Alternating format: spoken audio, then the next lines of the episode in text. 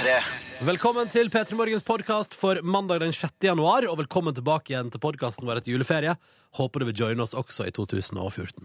Du skal få hilse på en ny medarbeider i dagens sending, eh, og så skal du få høre et intervju med Lena Kristin Ellingsen, kjent eh, kanskje aller mest fra Himmelblå, nå aktuell i TV-serien Mammon. Det må du sjekke ut, det er dritbra.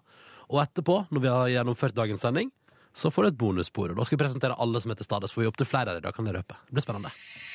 P3.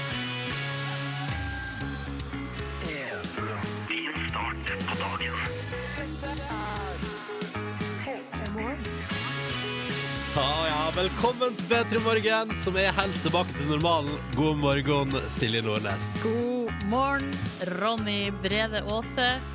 Nå er du så gira, du. Fordi nå er vi i gang igjen. Får, ja, ja.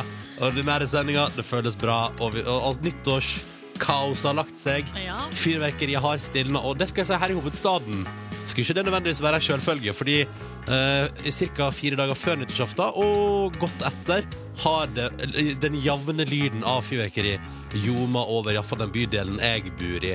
Sånn, litt sånn i bakgrunnen der. Konstant. Alltid. De skjøt opp i mitt nabolag i går. Så her, der er feiringa er ikke over ennå. Jeg regner med at vi holder gående ei uke til. Ja, sannsynligvis. Ja. Hallo til deg der ute i lytterland. Der er du, vet du. Og det er sikkert mange som er tilbake igjen til første normale dag i dag. Som tok seg litt ekstra fri i forrige uke, og som nå er back on track. Hyggelig at du er med oss også. Hallo, hallo, hallo. Hvordan står det til med deg? Jeg tenker at Nå må vi få gjøre opp status litt. Grann. Ja. Uh, vi må, fordi at nå, normalen er i gang igjen, ikke sant?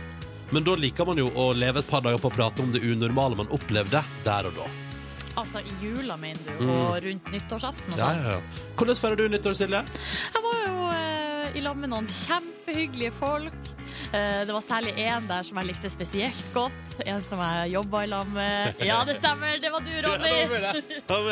Ja, Vi feira nyttårsaften i lag. Det var kjempekoselig. Silje Nordnes bare så du vet, kjærligheter, Silje Nordnes lager altså verdens beste foccaccia. Du, det var eh, Det kan være Ja, jeg sier meg enig i det. Men det kan, kan hende at det var såkalt eh, beginners luck. Fordi Ja, det var sånn, første gangen jeg lagde det. Ja. Ja, der var alle fra seg, spesielt min sånn gourmetkompis Kristoffer, som var veldig sånn kritisk til mye av maten der. Eh, han Nei, kom- var han det? Nei, nei, men han, han er sånn Ja, den kunne vært litt sånn og sånn, og, ikke sant? Ja. Og lagde sjøl noe helt fantastiske greier. Han var sånn Den foccacciaen er det beste her i kveld. Ah, det var hyggelig. Det var jeg glad. Men jeg fulgte jo oppskrift der det, hun som eh, hadde laga oppskrifta på en blogg, eh, hun uh, kalte seg sjøl for uh, foccaccia-dronninga. Så da måtte det jo være bra. Og ingenting er som når du lager foccaccia etter foccaccia-dronningas oppskrift. Stemmer det? Men vil du da, er det da, hvis du nå hadde sendt SMS P3 til 1987 og fortalt hva som var det fineste du har opplevd i jule- og nyttårsfeiringa di, hva- ville du trukket fram det? Å gud, for et vanskelig spørsmål. Ja. Jeg synes det er fint. Nå, disku- I dag skal vi diskutere det. Jeg ville trukket fram ja, ei eh, helt fremifrå nyttårsaftenfeiring. Pluss at jeg fikk meg fjellsko til jul, som jeg er Nei. veldig fornøyd med, med rosa detaljer på. Nei, gratulerer. Takk for det. Var det Moods of Norway med sånn traktorer og rosa traktor? Nei, det var vel ikke helt det. Nei, ok. Nei.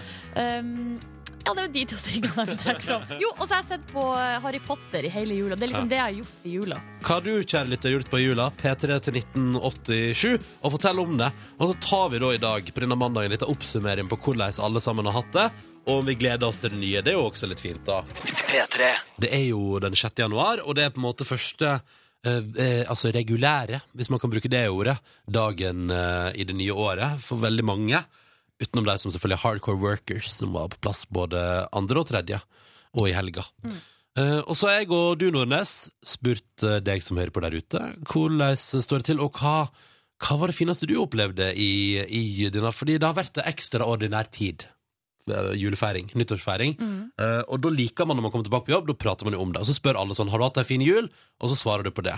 Og da tenker jeg at du kan allerede nå øve på hva du vil trekke fram når kollega eller uh, de som du går på skole med spør, hva gjorde du på i jula?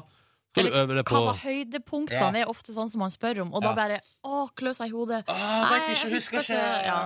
Og da kan du øve deg her hos meg og Silje nå, ikke sant? Emil har um, Har øvd seg. Han har øvd seg, eller han har skrevet til oss hva som eh, var høydepunktene i jula. Og han skriver god morgen, tok med meg kjæresten min hjem og feira jul på Nesodden. Oi! Veldig hyggelig. Første gangen hun var borte fra familien. Det der Eh. er altså så skummelt. Jeg har gjort avtale i mitt forhold om at vi eh, holder julefeiringa separat, så lenge vi kan. Og du, du holder julefeiringa hellig? Ja, ja, ja altså Heim til, heim til jul til Førde, ja. Ja. Og hun praktiserer heim til Oslo. Og så praktiserer vi det begge to, hver for oss. Så kan vi praktisere sammen på et senere tidspunkt. Ja, riktig. Jeg syns det, er det er riktig. Det er når det blir unger og sånn eh, at man må feire i lag. Mm. Eh, og så skriver Jens. Han skriver, og han er veldig lite konkret, så her, Jens, må du jobbe litt. Ja, for dette hadde, dette hadde ikke gått ned ved watercooleren som en suksess. Nei, her står det bare Her i Arendal har året begynt overraskende bra, og jeg tror 2014 blir et fantastisk år. Mm. Uh, og så skriver han 'lykke til'. det liker jeg òg. Takk, Jens. Uh, og han sier sikkert lykke til til alle sammen, da. Men eh, her, er det, her vet vi jo ikke helt hva det er som har gjort Hvorfor er 2014 så bra foreløpig? Og hvorfor akkurat i Arendal? Hva var det som skjedde der som var så bra? Tipper det er det bra kommunale fyrverkeriet. Helt sånn rått fyrverkeri fra kommunen der, altså. Ja, mulig det. Jeg vet Mulig. ikke. Og så er det en her som bare melder. Uh, fuckings trøtt. Første dag med skole etter to uker. Hashtag back on track. Uh, og da er det altså da tydeligvis eh, trøtthet i blikket. En eller annen plass i landet. Anonym innsender. Det skjønner jeg veldig godt. Jeg kjenner litt sjøl på denne følelsen akkurat nå at eh, eh, Altså, at bare det å tenke hva var høydepunktet i jula, Ja. er litt slitsomt. Og hvordan skal man da få til radio i tre timer? Ja, eller livet generelt. Men jeg tror det går bra. jeg. Jeg tror det går bra. Vi kom, dette klarer vi. Kom oss gjennom det sammen. Ja. Du er der ute, vi er her inne. Det kommer til å snubles i, eh, i dørkarma. Eh, Kaffe kommer til å skulpe over. Men eh, vi kommer oss gjennom det, og så blir det sannsynligvis en helt tipp topp eh, mandag. Snart så skal du få hilse på nyeste medlem i redaksjonen, P3 Morgen. Du har kanskje møtt henne før, eh, men nå skal du få møte henne igjen. Eh, vår reporter. P3 Det er ikke bare jeg og Silje som skal Live har jo stukket og skal lage TV. Underholdningsavdelingen igjen. Ny sesong kommer på TV etter hvert. Litt usikker på datoen, men det er nå rett rundt hjørnet. På NRK Fjernsynet. Og da eh, har vi, jeg og Silje, fått inn en eh, ny medarbeider i redaksjonen som du kanskje har møtt før. Hei, Line. Hei, Silje Råd. Hei. Eh, Hvor det med deg? Det går kjempefint. Jeg eh, var litt forsinka, så jeg løp i NRK-korridorene sånn her. For å rekke min første dag på jobb. Hvorfor var du forsinka på din første dag på jobben? Jeg har, jeg har en teori. Fordi du drev og Instagramma Jeg har, jeg har vært på Instagram nå og har sett at du og din katt Tut har tatt bilde av dere sjøl Ja. på badet. Det var altså det første jeg gjorde da jeg gikk inn på badet og skrudde på lyset, var å ta et lite bilde, a liten picture of myself. Ja, ja. Eh, så jeg kan jo innrømme at man bruker jo alltid litt tid på å finne ut hvordan teksten skal gå, og hvilke ja. filter man skal bruke. Så jeg må innrømme at det gikk kanskje et ja, fem-seks minutter der, kanskje. Ja. Ja. Såpass, ja. ja. Og så må Tut oppføre seg pent på bildet og sånn. Ja, ja, ja, men jeg tok faktisk bare ett denne gangen. Okay. Gutsa på. Tut, bare for å gjøre det klinkende Ja. klart, det er katta til Line. Det er min Ja. ett år Det er gamle liksom- katt. det Det er er en ikke- Det er ikke typen din Nei. eller dama di eller whatever. Cute. Mm. Nei. Ja, men vi kjenner jo deg, Line, sånn litt. Eller vi, du har vært hos oss her før. Du har vært reporter hos oss før. Du har vært praktikant først. Begynte som praktikant. Ja, og Ja. så har du vært eh, reporter litt, sånn av og på. Eh, Nå skal du være eh, fast her utover våren. Men vi tenkte jo at vi må bli litt sånn kjent med deg. Ja. Litt bedre kjent. Ja. Så du har laga en eh, bli kjent-lek, er det sånn å forstå? Ja, En liten bli kjent-lek. Med reporter Line. Ja. Og den er ikke verre enn at jeg sier en ting, Mm. og så skal dere si om dere tror det er sant eller ikke. Om deg sjøl. Om meg sjæl. Ja, ja, Ok, ja. greit, Yes. greit. It's all about me. OK. Ok. er dere klare? Ja, ja, ja, Ok. ja, ja. Jeg har en liten hengekøye på stativ til katter. Som er til katten min Tut i stua. Det Ja. tror jeg er sant. ja, det er jeg helt sikker på er sant. Nei, det er helt feil. Men jeg har to juletrær året rundt. Type plastikk. Som Tut pleier å hoppe og klatre opp i. OK. ok Å, heldige katter! Tut elsker det. Jeg blir litt for tjukk for det ene, for det er litt lite. Så det hvelver sånn på Så dem har du kjøpt et større? Ja. Så jeg har to juletrær. fant jeg ut, ja. Ja. Å nei, nå må jeg kjøpe nytt helårsjuletre, fordi katten min er blitt for tjukk til å klatre i det minste. For jeg, kan, Søtt. ja, for jeg kan ikke stemple det fast i parketten, for da blir pappa litt sur. Ja. Forståelig. Eh, er du klar for nummer to? Ja. Ja. Jeg har sett en ufo. Det er, tror jeg er helt sant. Ok, Det er helt sant. Det er helt sant. Det er helt sant uten å kødde. Det er helt sant. Men hvem er det som sier at det er en ufo? Er det du, eller er det noen eksperter Jeg- som har uttalt seg om det her? Jeg sier at det er en ufo. Eh, fløy da her var det en kveld i 7. klasse da jeg var 12 år gammel. Jeg bor ute på landet, bekmørkt. Ja. Plutselig så kommer det noe flyvende sakte over hustaket. Et fly? Ikke et fly, det var såpass nærme, og det var en ufo. Jeg, jeg ble livredd, jeg begynte å hylgrine og måtte sove i senga til mamma og pappa i sånn to uker etter det. Men, du, men det, det Jeg går for helikopter, jeg, ass. Helikopter eller fly. nei, nei, nei, det var helt stille. Lagde ikke en lyd. Og det er det som var det spesielle. OK, ja. Du har sett en ufo, har juletrær året rundt. Videre. Ok. Uh, I 2013 brukte jeg 18 000 kroner på å ta taxi. Det er sant, det. Jeg tror det må være sant, ja. Ok, eh, Skal jeg si dere en ting? Ja. Det er helt feil. Jeg brukte mye mer. Hvor mye brukte du på taxi i 2013? Jeg regna på det her i går, Ja. og jeg brukte 41 000 Nei, på men i taxi. helvete! Åh, jeg får puste med svar! Altså, det er helt sant. Nei. Det er helt sant. Det er helt sant. Jeg har hatt en tendens til å ta en del taxi. Jeg er rett og slett blitt litt avhengig av å ta taxi. Og jeg snakka med en avhengighetsekspert, og han sa meg ned, og så begynte vi å regne. Ja. Han sa at du bruker like mye som en storrøyker i løpet av et år på å ta taxi. Lols. Men si meg, har du, noe, har du noe slags målsetning for 2014 om å få ned det her forbruket? Ja, fordi det er på en måte 40 000 kroner som jeg kunne brukt på en reise, for Du kunne brukt det ikke på ei, du kunne brukt på fire Ja, reiser. jeg kunne Fire. reist til Syden på ti ja, på, Fire ganger kunne du ha vært på en supersmooth tur til Syden. ja, det er helt Og den er all inclusive, liksom. Den, eh, for det er 10 000, så det er ganske godt. eh, Du, så bra. Ja, men du føler at vi har blitt ganske godt kjent med deg, Line. Og jeg, jeg, jeg må si det sånn, jeg gleder meg til å bli bedre kjent. Takk, jeg òg gleder meg veldig til det. Tok du taxi til jobb i dag? Ja. Ja. Ja, men Det gjorde jo vi òg. ja, men jeg måtte bare understreke at det, det har ikke gitt seg ennå. 2014 er i gang. Ah, velkommen i gjengen, Line. Tusen takk. Ah, P3. god til Joakim, bra. Dette er det Somebody That I Used To Know. Koselig enhør. P3 Morgen, snart to minutter over halv sju.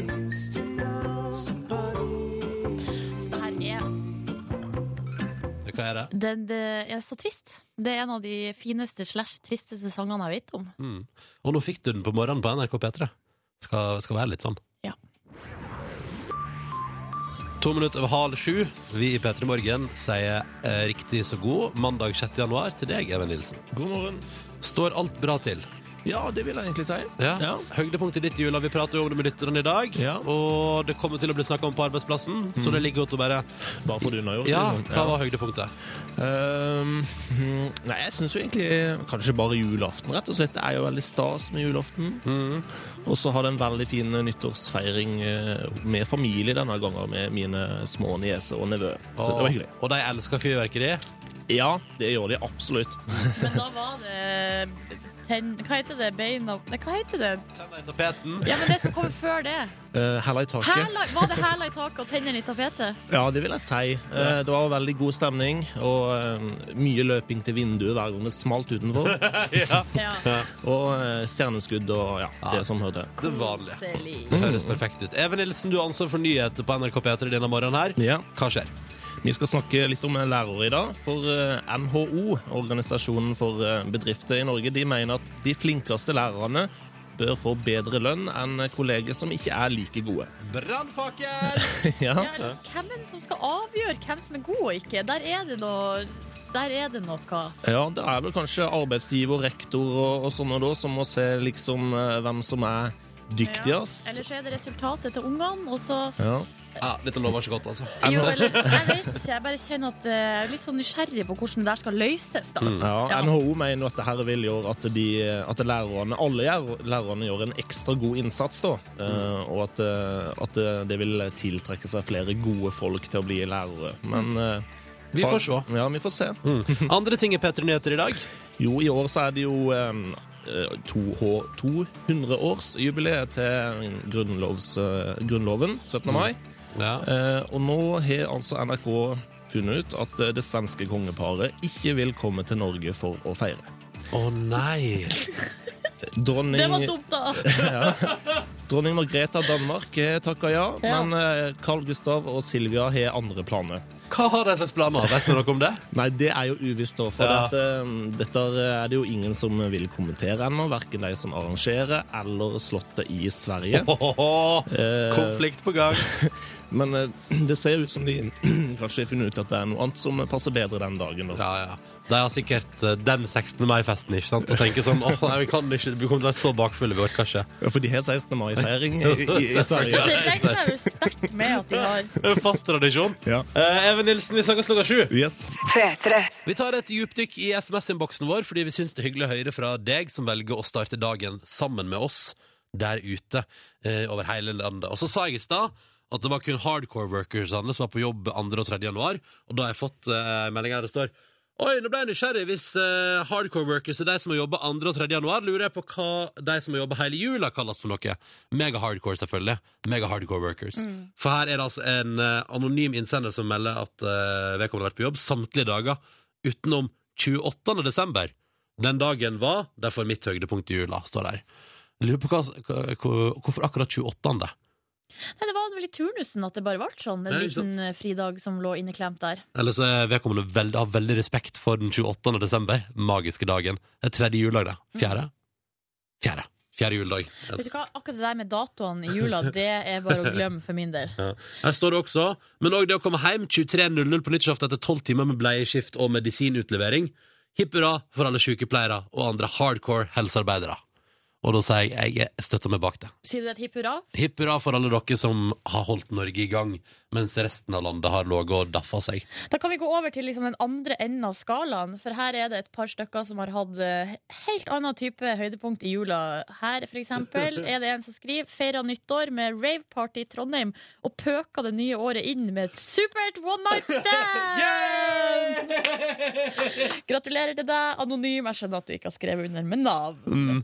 Og det syns jeg er megahyggelig. Mm. Ja, ja. Og Marius han, eh, han tror jeg ikke har noe høydepunkt, men han bare skriver at han begynte året med ei brakfyll, og huska da ikke noen ting etter at rakettene ble skutt opp. Mm. Så det, Marius, gratulerer med det. Ja, hurra for deg. Uh, og så tenker jeg at jeg uh, tar med denne her òg. Julegavene havna litt i skyggen uh, av at jentungen bestemte seg for å begynne å gå på julaften. Beste julekvelden ever! Skriver altså da Christer, som har sendt melding til oss. Og da tenker jeg sånn Den ungen der er utspekulert, ass. Velger seg julaften. Hæ? Ja, ja, ja. Jeg skal ha all oppmerksomhet. Ja. Du, Ronny, du, hva er ditt høydepunkt i jula? Har du svart på det? Uh, oh, oh, oh. Du må svare, du òg. Uh, ok, jeg tar et par. Bare den følelsen av å våkne klokka to på ettermiddagen og Ja. spasere opp i staua der det er varmt og deilig, og det står mat på bordet, og mine foreldre og min søster er hjemme. Megahyggelig. Juletreet pynta, alt er bare velstand. Og så trekker jeg jo fram eh, kompisgjengen sitt skoltelag, Sauehaugelag, eh, søndagen før jul, eh, der man spiser sauehauge. Jeg syns det er litt voldsomt, men jeg forsyner meg av det for å være en del av gjengen. Og så syns jeg at når vi Ja, for du legger ut bilde på Instagram Ja, ja, og bare se jeg- på jeg- meg. jeg spiser er- det. Ja, Jeg spiser det. Men jeg syns det er hyggeligere når tallerkenene er rydda vekk fra bordet, og vi kun drikker akevitt og øl og prater om året som har gått. Riktig. Mm. Ja, men så bra. Ja. Petre. Jeg og Silje Nordnes sitter her inne i radioapparatet ditt og ser på forsidene på de største avisene i landet vårt, og skal prate om et par saker som preger forsiden i dag, sånn at vi alle sammen får en indikasjon på hva som er viktigst. Og det er selvfølgelig, og vi er nødt til å snakke litt om det, det er norsk dominans i vintersport. I går var det Det var siste runde i Tour de Ski, siste runde. Det er denne uh, monsterbakken. og det er en monster. Det går jo opp en slalåmbakke, liksom. Ja. Det, er ser jo helt, det ser helt sjukt ut. Og av og til når kameraet liksom er sånn tett på, så bare ser du jo sånn OK, de går nesten liksom rett opp. Eh, du, I går, Jeg så på det i går. ja, Eh, jeg òg. fordi jeg sto opp klokka ett eh, og så lagde meg frokost. Brukte en god stund på det. Ja. Skrudde på TV-en. Ja. Bam! Rett på. Rett på Therese, Therese Johaug. Er på vei oppover. Og da tenkte jeg med meg sjøl Vet du hva, den bakken der er så bratt at det er ikke sikkert at jeg hadde kommet meg ned en gang. jeg, jeg, jeg, Skjønner jeg, skjønner jeg hadde ikke gått med ned, men jeg hadde foretrukket å gå opp, for det, er, går, det går saktere Ja. og tryggere. Ja. På et vis. Men min, og så har jeg også for meg scenarioet. Hva hvis en av dem liksom mister grepet nå, og, og så sklir den ned hele bakken? For det er sånn som har skjedd med meg når jeg går på ski. At det bare er sånn Nei, nei, nå mister jeg taket! Og så bare Ja. fyker du ned igjen. Tror ikke du har den samme mengdetreninga som Therese Johaug og Marte Martin Jonsrud Sundby, for de vant jo, da. Ja, begge vant. Først vant damene trippel norsk. Yes. Og så herrene med norsk på første, andre og fjerde og femte, eller hva det var for noe. Det var altså total psycho-suksess i Tour de Ski. Og det er veldig rart, for det har vi aldri vunnet før, vi nordmenn. Det har vært liksom en slags forbannelse som har hvilt over det. Jeg så jo, Men en annen ting som jeg også eh, fant ut om eh, meg sjøl i går, i hvert fall, var at da jeg så på selve rennet, så, Mm. så, så ble jeg ikke så bevega. Men så fikk jeg det i slow-mo Ja. etterpå. Og da klikka det for deg. da eh, ble jeg rørt. Fikk en liten tåre. Ja. Så eh, bare få på litt eh, Slow-mo og filmmusikk. effekt, så blir, kommer følelsene. Ja, ok, Men det er så bra at du ble rørt til slutt. da Ja. Ja, Therese Johaug så sliten ut når hun kom inn der og bare tok seieren i Tour de Ski. Ja. Og det er jo på omtrent alle forsidene i dag. Ei feiring av den norske dominansen der. Andre ting Ja, forsida av Dagbladet så står, er det bilde av noen banankasse, og så er det altså en hund som bare snuser på den. Og mm. da står det 'fant 145 kilo kokain i bananene'. og det er så fascinerende, Fordi da har altså tollere gjort altså, eh, Det er Norges nest største kokainkupp. Så det er altså ikke det største, Nei. men det er det nest største. 140 kilo kokain i banankasser. Eh, ja, og da er det altså på, eh, hos Bama på Økeren i Oslo. Der har de hatt sånn der, eh, De har sånn modningslager. Ja. Der det står altså tusenvis av kasser med frukt som står på modning. Mm. Og blant de her, og da har det vært to hunder inne der og snusa litt rundt. Det er altså hundene eh, Tika og Hattrick Ja. som har vært inne der. Tika og hat trick, ja. Ja. Bra navn på hund. De har sniffa seg rundt, og da har de funnet blant alle de tusen kassene ti kasser med bananer fra Ecuador. Som inneholdt 145 kilo med kokain. Men den kokainen må jo være på avveie når den havner hos Bama. eh, nei, altså greia det er jo ikke Bama som driver og smugler. Det er jo noen som har plassert det der, og så har de eh, tenkt ja, at de skulle hente opp på et eller annet Og tidspunkt. tror du det? Så snek seg inn i Bamas lokal altså, skjønner, men du skjønner, Det kan ikke være at banankassen egentlig skulle til en litt sånn hyggelig grønnsakshandler som tenkte sånn ah, grønnsaker og kokain. Framtida. Og her er mitt spørsmål nå, da. Ja. Kommer en del eh, næringslivsjunkies der ute, for det er de jeg ser for meg stereotypisk tar kokain, Ja. kommer de liksom til å nå gå Altså at, at du ser i dag på eksempel din lokale dagligvarebutikk at det står liksom menn i dress, for jeg forstår, de jeg ser for meg tar kokain, og liksom graver i banankassen og bare sånn Gi det til meg! La Ja. det ligge noe under der! Kanskje vi skal være oppmerksom på det Ja. nå i framtida. Hvis du ser en næringslivstopp grave i banankasser i dag, så kan det være at jeg leter etter noe skulle Jeg prøver å si kokain i bunnen der. Prøv en gang til. Kan jeg lete etter noe kokain i bunnen der? Gratulerer! Tusen takk. Det var det viktigste fra avisforsiden i dag, det. Ja. Ah. Riktig god morgen. Vi har lagt ut bilde av oss på Face, da. Eh, det er det som har skjedd i kulissene her mens du har hørt på Selulu. Hvis du lurer på hva gjør de inne i radioen der eh, egentlig, når de spiller musikk, ja, da hører vi på musikken, og så legger vi ut bilde på Face. Ja, og jeg har lest, lest litt i avisa. Se om det er noe mer vi, som er spennende som har skjedd i verden. Her, ja, kom jeg rett inn på en stor artikkel i VG om den norske OL-låta som uh, Har du hørt den, Ronny? Nei, jeg har kjørt den. Har du ikke? Nei. Men det høres ut som jeg har lyst til det. Eller? Ja eh, Jeg vet ikke helt. Folkets dom er jo ganske nedslående her Hvem, i VG. hvem, har lag, hvem har laga den? Eh, altså, det er eh, Alexander Denstad Hvitt som synger. Er Alexander Hvitt tilbake igjen? Nei, så kjekt. Eh, og så synger han, eh, eh, og så er det hun Solveig, ei sånn eh, operadame. Eh, Som ble sletta gjeld? Ja, som var med på Stjernekamp i eh, høst. Og så er Kave med og rapper. Nei! Det er en slags Nei, dette er det fusion-greie sjukeste jeg har hørt. Den må vi høre på. Kan vi høre på den etterpå? Ja, vet du hva? Eh, du, jeg tror vi må høre på den etterpå. Ja. Jeg merka det nå. Ja, men det, Jeg trodde vi at vi var ferdig med den saken, men nei. Ferdig med den saken. Altså, jeg har vært, av, jeg har vært avkobla i helga, spart batteri på telefonen, chilla maks og ikke lest så mye nettaviser. Ja, Dette har jeg ikke fått med meg. skal vi høre på den låta. Konge. Det gleder jeg meg til. I tillegg til det så skal vi arrangere vår konkurranse. Den er tilbake igjen i dag. Du kan vinne digital radio. Du må bare ringe inn, melde deg på og delta i konkurransen vår, og det gjør du på følgende telefonnummer, som du må ringe nå. 03512. Nummeret du må ringe er altså 03512. Og det er, eh, det er tre spørsmål som skal besvares, men du må bare svare på ett. Og den er fryktelig enkel. Det er en slags kall en stafett eller et samarbeid. Vi har tre spørsmål, og så er det to deltakere på telefonen som skal svare på ett spørsmål hver. Hvis noen svarer feil underveis her, så stopper vi konkurransen og ingen får premie. Og for at det da skal bli utlevert premier, så må først én lytter svare riktig, så en lytter til, og så enten meg eller Silje. Det er jo det som er litt skummelt med den konkurransen her, for det er avgjørende om vi svarer riktig på tampen der, foran du premie eller ei. I dag har du, Kristoffer, valgt å bli med på konkurransen vår. Hallo? Hallo, hallo. Hei, hvor ringer du oss ifra? Du, nå er jeg på vei til jobb. Og hvor befinner jobben seg? Den er på Kongsvinger. Ok. Kan du trekke fram, Kristoffer, eh, et høydepunkt fra jul- og nyttårstida vi har nettopp kommet ut av? Selvfølgelig julemat. Julemat! Hva går du for i julematveien? Er det pinnekjøtt, ribbe, lutefisk? Det er ribbe. Det er ribbe, ja. Hva tenker du om 2014 og det som venter oss rundt hjørnet? Ja, det blir, det blir det blir et veldig spennende år. ja. Ja. Det, vi må jo få til at det skal bli enda mer spennende enn 2013. Har du planlagt noe spesielt? Er det noe spesielt du gleder deg til? Eh, Det er fotball-VM. Fotball-VM, men du skal ikke dit? Du skal se det på TV? Jeg skal på, se på TV.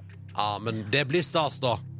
Det blir moro. det blir moro. Mm. Ok, Kristoffer gleder seg til fotball-VM og satser på at eh, 2014 blir enda mer spennende enn det foregående året. God morgen, Nina. God morgen, god morgen. Hva gleder du deg til i 2014? Uh, tja, jeg skal til Chamonix om ikke så lenge. Det gleder jeg meg til. Du skal hva for noe? Til Chamonix, Chamonix, hvor er det henne? Frankrike. Oh. Du skal på ei aldri så lita fransk vacation. Ja, Mm. hva, skal du, eh, hva har du planlagt å gjøre der? stå på ski. Ja, ikke sant. Å, så deilig. Mm. Mhm. For snøen er jo Er snøen fraværende der du befinner deg? Ja, veldig. Hvor er du, Nina?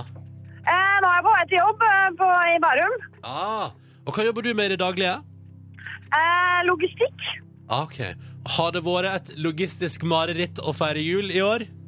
Nei, det har gått veldig greit. Hva har vært høydepunktet, Nina, i jula? eh, høydepunktet var vel en tur på fjellet med litt snø. Eh, I Åh. motsetning til østlandsområdet, hvor det er eh, forsvinner litt av det. Ja, riktig. Da er det sånn at vi har med oss Kristoffer som gleder seg til fotball-VM, og Nina som gleder seg til å stå på ski i Frankrike. Eh, Og de skal svare på ett spørsmål hver straks her i P3 Morgen. P3. Men aller først skal vi arrangere vår daglige konkurranse her i P3 Morgen, som er tilbake igjen etter en aldri så liten juleferie. Hvis noen svarer feil på spørsmåla som stilles, er konkurransen over. Så målet er jo at alle skal svare riktig, i tur og orden. Vi har med oss Kristoffer, som gleder seg til fotball-VM, og som ellers tror 2014 blir helt konge. Hallo, Kristoffer. Hallo, hallo. Og så har vi med oss Nina, som skal på skiferie i Frankrike for å oppsøke den snøen hun mangler, der hun til daglig holder til i Bærum. God morgen, Nina. God morgen, morgen. Dere to skal svare på ett spørsmål hver. Ser ingen grunn til å holde det gående med småprat. Vi kjører på. Og Kristoffer, du skal svare først. Ja. Kristoffer, Kristoffer, Kristoffer. Hvem var det som ble årets navn under lørdagens idrettsgalla? Det var eh, sjakkongen Magnus Carlsen. Sjakkongen Magnus Carlsen svarer Kristoffer. Og det er selvsagt helt riktig! Ja. Der naila vi første spørsmål, Kristoffer. Ja. Din innsats i konkurransen herved over. Nå må du bare høre på hvordan dette går. Det kan hende du får en digital radio, men da må vi, da må vi ta begynne med få Nina til å svare riktig også. Er du klar, Nina? Jeg er klar. Ja, da kjører vi bare på. Spørsmål til deg er Hva heter typen Norwegian fly som har blitt mye omtalt i media i det siste, Nina? Å, Gud. Det er flytypen vi er ute etter, altså. Det har vært mye prat om dem. Hva heter de? Og det, det har jeg jo lest mange ganger. Um, Da ligger det, det, det ligger der, Nina, hvis du bare tenker. Um, det er jo ikke Boeing 737, liksom. Nei, nei, Nei. nei men det, vi, er, vi er jo i nærheten der. Men vi- altså, det, det har jo et sånt fancy navn. Det er jo det vi er på jakt etter her, da. Ja, ikke sånn tall og sånn. Det er et ord som er et, et navn. Mm. Ja, men vet du, Jeg kommer ikke på det. Det er helt blankt. Er det et eller annet på A? Nei, det er ikke det, vet du. Beklager, Nina. Ah, Og det vet du, Nå kommer du til å bli så irritert når jeg sier det, for du veit jo. Det er Dreamliner. det er det, så klart. Å, det er så vondt! Ja, det Det er så vondt! Men sånn er det av og til. Game, og eh, jern, det er ikke alltid jern spiller på lag. Det er jo tross alt bare 6. januar. Den er Mm. ikke helt klar ennå. Kristoffer og Nina, det betyr at konkurransen vår stopper her, og det blir ikke premie på dere, men begge to er hjertelig velkommen til å ringe inn igjen til oss på et senere tidspunkt og delta i konkurransen vår. Huh, visste du det, Kristoffer? Det kunne jeg. Å nei! Nei. Men hei, da får vi trøste oss med at det snart er fotball-VM og skiferie i Frankrike. Ja, og så Kanskje det kommer masse snø snart, og så blir det bare deilig. ja, ja. ja. Begge to, tusen takk for at dere deltok. Ha det bra! Ha det. Ha det! P3. Vi kom inn på det i stad, og da tok du, Silje, for gitt at jeg har fått med meg den nye OL-låta, for det har visst vært en storm. Jeg har ikke fått med meg. Jeg har vært avkobla i helga og bare nytt eh, livet. Så kanskje du som hører på også, la oss ta en titt på eh, Norge har altså laga egen OL-låt. Ja, og den ble framført på uh, idrettsgallaen som var på lørdagskveld. Eh, det er eh, Alexander Denstad Hvitt, eh, rapp eh, den unge rappartisten Kave, og så er det Eli Kristin Hansveen, altså operasanger som var med på Stjernekamp i høst, Nettopp. som er med på det her. Jeg, altså, jeg kobla meg på med en gang jeg våkna i går, eh, på søndag klokka ett, og da var det en storm på Twitter. Ja, ja. Eh, om hvor dårlig det her var, og det er det verste som har skjedd eh, Norge noensinne. Oi. Eh, og da tenkte jeg det her, eh, jeg må se den. Men jeg klarte liksom ikke å gjøre det med en gang. Nei, Jeg måtte måtte liksom- litt. Jeg måtte bygge opp litt eh, Bygge opp litt eh, Hva det heter Litt sånn indre følelsesmessig eh, skjold inni Ja, meg. Før jeg, så jeg var redd for hva det her skulle frambringe meg. Ja, for det var så mye hat på Twitter. Ja, det var så enormt! Eh, vi kan jo høre noen eh, klipp her. Det Åh. første klippet er med eh, Kave. Som, eh, altså for at Låta begynner veldig streit. Ja. Det er Alexander eh, Hvitt som, som synger, og det er en veldig streit eh, poplåt, kan man kalle det. Mhm. Så kommer Kave inn på et eh, lite vers. da. Vet du hva, jeg er så spent. Jeg har ikke hørt noe av dette her. Da trykker jeg play. Ja. Det smeller når det først smeller. Aha. Det gjelder når det først gjelder. Aha.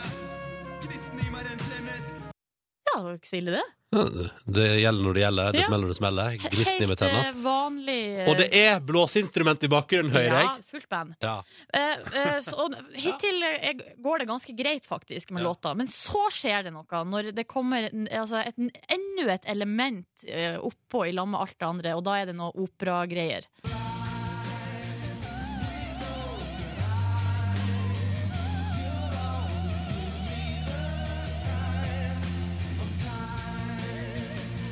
OK, jeg fikk med meg The Time of Time. Men Eh. hva mer sang han her? Nei, det er jeg ikke helt sikker på, egentlig. Det går veldig sakte, da. Ja, det er ikke så veldig eh, peppy, nei, det er det ikke. Nei, nei. Men så Hva kalte du det? eh, Peppy? peppy? Ja, ikke det litt sånn OK, Ok, greit. Jo, eh, og så eh, til slutt så topper det seg litt da Når alle sjangrene skal blande seg i hopen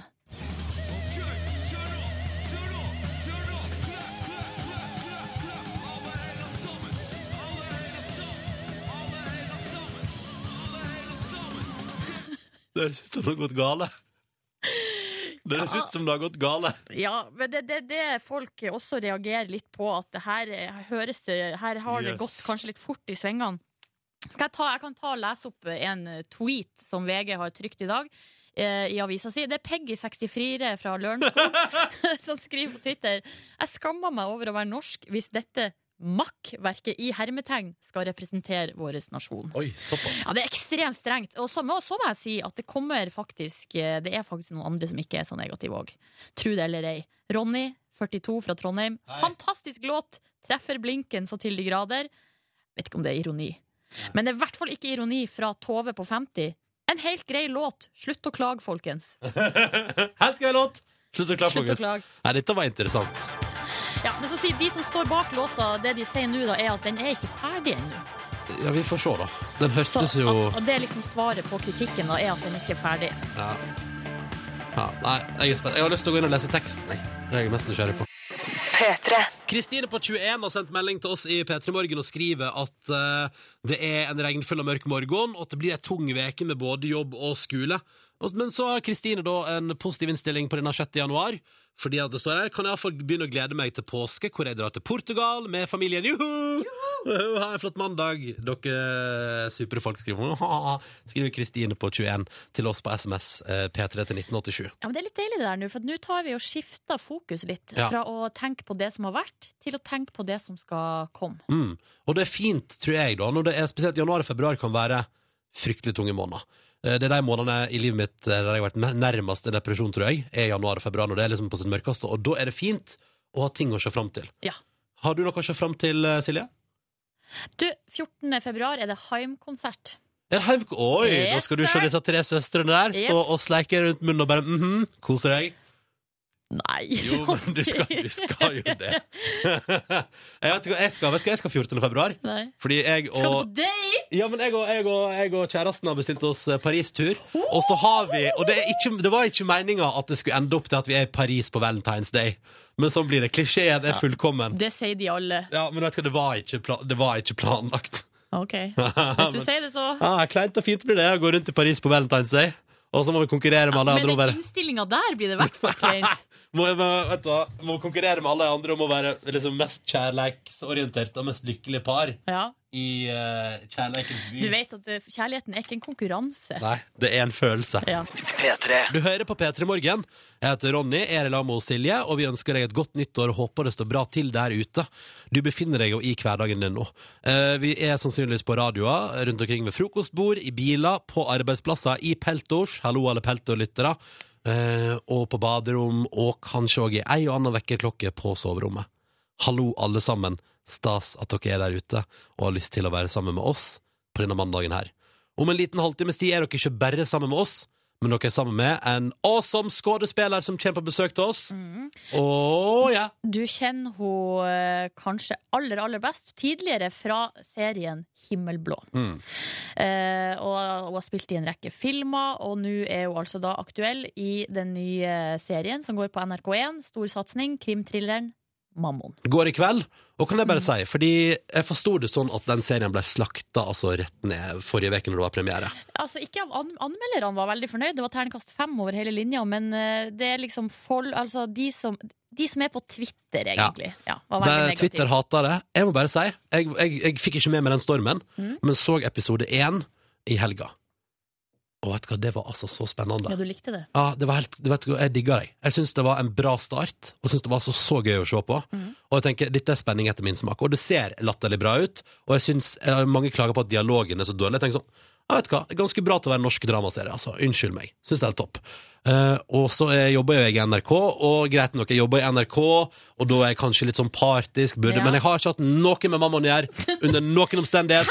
Og, Jeg du var lyddesigneren som sto bak den lyden som folk klager på. Kan jeg bare si om det? Ja. Skru opp lyden på TV-en din, da vel. Ja. Det gjorde jeg. Funka som ei kule, fikk med meg alt som ble sagt. Poenget er at siden jeg jobber i NRK, har jeg også fått tilgang til episode to, tre og fire. What?! Så jeg hadde et raid. Jeg klarte ikke å slutte. Og i episode to, den som da går på TV i kveld, Ja. Hadde så masse gåsehud at det holdt på å sprenges for meg. Det, var, det ble for mye der på et tidspunkt. Det var helt konge. Det var altså så awesome. Ikke fortell om hva som holdt på å sprenges deg, nei, nei, nei, nei, Silje, da. Ikke dra fokus vekk. Poenget er for at ei av dem hun spiller etterforsker i Økokrim Ja. og er rå på data. Hun heter Lena Kristin Ellingsen. Hun kommer til oss om en halvtimes tid, og vi skal sjekke For hun jobber i Økokrim i serien, Yep. så vi har tenkt sånn Da skal vi sjekke hennes private kontoutskrift. selvfølgelig. Selvfølgelig. Hun har sendt oss en morgenhelsing i dag tidlig. Skal vi høre på den? Ja. God morgen, P3 sine lyttere. Det er mandag morgen. Eh, nye uke, nye muligheter. Og apropos nye muligheter. NRK eh, viser nye TV-serie Mammaen episode 2 i kveld. På NRK1 klokka 21.30. Der spiller jeg Lena Kristine Ellingsen. Og i den anledning kommer jeg til P3 Morgen og skal snakke litt mer om denne kontroversielle TV-serien eh, Mammon. Jeg gleder meg kjempemasse. Hei så lenge. Veldig fin morgenstemme på Lena Kristin Ellingsen. Absolutt. Mm.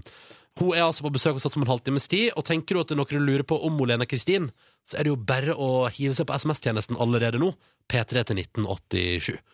Eh, men før den tid, før Lena, skal vi til Line, vår nye reporter. Hei, Line. Hei, bitches. bitches. Oh, ja. OK.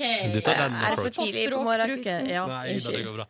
Hei, Line. Hei, hei. Du er vår nye reporter i P3 Morgen. Mm. Uh, og vi tenker at når det begynner nye folk i P3 Morgen, så har vi et par ritualer. Eller vi har fått oss et ritual nå, da. Ja, for Poenget er at det finnes en eh, test på internett uh, som heter 'Har du kvinnelig eller mannlig hjerne?' Det er en utrolig uh, tullete test som nrk.no Schrødingers katt har lagt ut. Eh, og vi har funnet ut tidligere at Ronny, han har kvinnelig hjerne. Og jeg har mannlig hjerne. Ja. Og vår eh, kollega Live Nelvik hadde også, eller hun har også mannlig hjerne. Og nå når Live har gått fra over til å lage TV, og du Line har kommet inn i stedet, så må vi rett og slett finne ut Har du mannlig eller har du kvinnelig hjerne. Det Er du, er du kvinnelig som meg, eller mannlig som Silje? Er det det vi lurer på? utrolig viktig her nå for at vi skal kunne samarbeide godt videre. Ja. Jeg prøver å finne mine feminine sider nå om det. så jeg håper egentlig at jeg har kvinnelig hjerne. Vi får se, da. Men jeg er litt redd for at jeg Kan, vi ta et eksempel på et spørsmål som du må svare på i denne testen, som du nå har fått utlevert, Line? Okay. Ja, Det er en utrolig fjasete test, hvis jeg kan få lov å si det. Her, for eksempel. Du står og lager mat etter en innviklet oppskrift mens radioen står på. Så ringer telefonen, og du. A. La radioen stå på og fortsette matlaging mens du snakker i telefonen. B. Slår av radioen og snakker i telefonen mens du fortsatt eh, lager mat. C. Sier du vil ringe tilbake når du er ferdig med maten. D. Vet ikke. Altså, kan jeg si hva jeg ville svart? Ja. Jeg tror jeg, jeg hadde svart A, jeg. Jeg, bare sånn, jeg kjører på, jeg hører Ja. på musikk og lager mat. Og Multitasker. Multitasker. yeah, men, yeah, yeah. men det vil ikke si at det blir bra mat. Jeg skulle til å si det! At det betyr ikke nødvendigvis at resultatet blir OK. Altså, det blir også- krise, egentlig. Også sånn her type spørsmål. Når du er på kino, vil du helst sitte eh, altså, til høyre i salen, til venstre i salen, eller vet ikke? Det er sånne ty altså, det er utrolig bredt spekter. Ja, veldig bredt. Og vi skal finne ut om da, ved hjelp av testen, om Line har kvinnelig eller mannlig hjerne. Straks i P3 Morgen. Det er bare å kjøre på og ta testen. Ja, hva tror dere egentlig? Nei, jeg vet ikke. Jeg har kvinnelig. Håper du kommer på mitt lag. P3. Dette her er P3 Morgen, og vi har altså da fått inn eh, reporter Line fast i P3 Morgen fra i dag. av. Hallo! Good morning! og så har vi tenkt sånn, I høst så tok jeg og Live og Silje en test på det store internett, på NRK sine nettsider, der du finner ut om du har kvinnelig eller mannlig hjerne. Ja, og det viste seg altså da at uh, jeg har uh, mannlig hjerne, Mm. og at du, Ronny, har kvinnelig hjerne. Konge. Helt nydelig.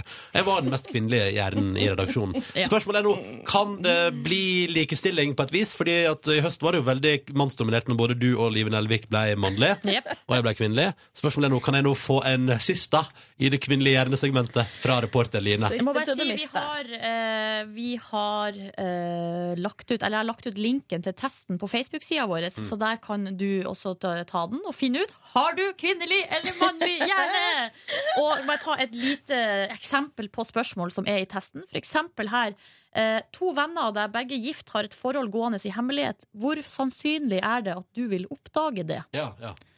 Og da er det sånn A, du oppdager det med en gang. B, du oppdager det i halvparten av tilfellene. Eller C, du vil antageligvis ikke oppdage det i det hele tatt. Mm. Hva svarte du der, Line? Antageligvis ikke oppdage det i det hele tatt. Er du ikke observant, Line? Ja, men det der er en sånn ting som jeg tenker Nei, de er jo gift. Ja. Og så stopper det. Der, der, der Åh, skjer du det så ikke noe muffins. naiv. Ja, ja. De er jo gift! Da kan det ikke skje noe! Nei. Ja. Så er det ja, også er sånn- greit. Eh, I denne testen så får man en totalsum, altså man får poeng. Eh, Og det er altså sånn at de fleste menn scorer mellom 0 og 180 poeng. Ja. Eh, Og de fleste kvinner eh, scorer da altså mellom 150 og 300. Og hvor mange poeng Eh, har Line fått? Og det er sånn at hvis man er eh, over 180, da er man garantert kvinne. Så da er man eh, innafor, da, liksom. Og Line har fått Skal vi se, Line. Du har fått 185 poeng! Du er kvinnelig! Er det sant? Gratulerer med dagen. Du er kvinnelig, du, Line. Og da har vi fått etablert det. Så deilig å vite. Eh, Så hvis du ikke var klar over det sjøl, så kunne denne eh, fjasete testen eh, eh, slå fast at du har kvinnelig hjerne. Så da, heldigvis, er det to kvinner her. Det er Ronny og Line. Og så er du mann i forholdet, skal jeg. Jeg holder stand på mannlig hjerne-delen av skalaen. Nå ble jeg egentlig skikkelig fornøyd, fordi jeg føler at jeg bare er sånn som stavrer rundt og er skikkelig mann. Og nå ble jeg plutselig litt feminin. Nei, det er ikke noe galt i det hele tatt, men det var litt deilig å på en måte være litt kvinne også. Litt mjuk og god og snill og Jeg tror ikke du skal basere din, uh, identif altså din uh, Identitet. på denne testen. Det Men- må jeg bare si. Men si meg en ting, var jeg fem unna å være mann? Nei, altså det er det som er at det er litt slingring her. På, det er litt slingring her. Men du er i det mannlige segmentet av kvinner, ja, det er du. Ja, jeg er det. Men Ronny, det betyr at vi liksom kan gå og bake kake og ha sånn pysjkveld og sånn. ja. Men Silje får bare gjøre noe håndar- Ja. Får håndarbeid. ikke jeg lov å være med på Nei, men da kan pysjkvelden? Silje mekke Ikea-møbler imens vi ligger og ser på TV-serie i sofaen. Åh, konge, vi vinner, vi, da. Vi vinner, vi, da. Men dette syns jeg er fint. Da har vi etablert deg. P3. Hva driver du med, Silje Nordnes? Jeg sitter på internett eh, nå på VG-nett og leser om at eh, tidligere basketballstjerne Dennis Rodman han er nå på vei til Nord-Korea for å feire bursdagen til Kim Jong-un.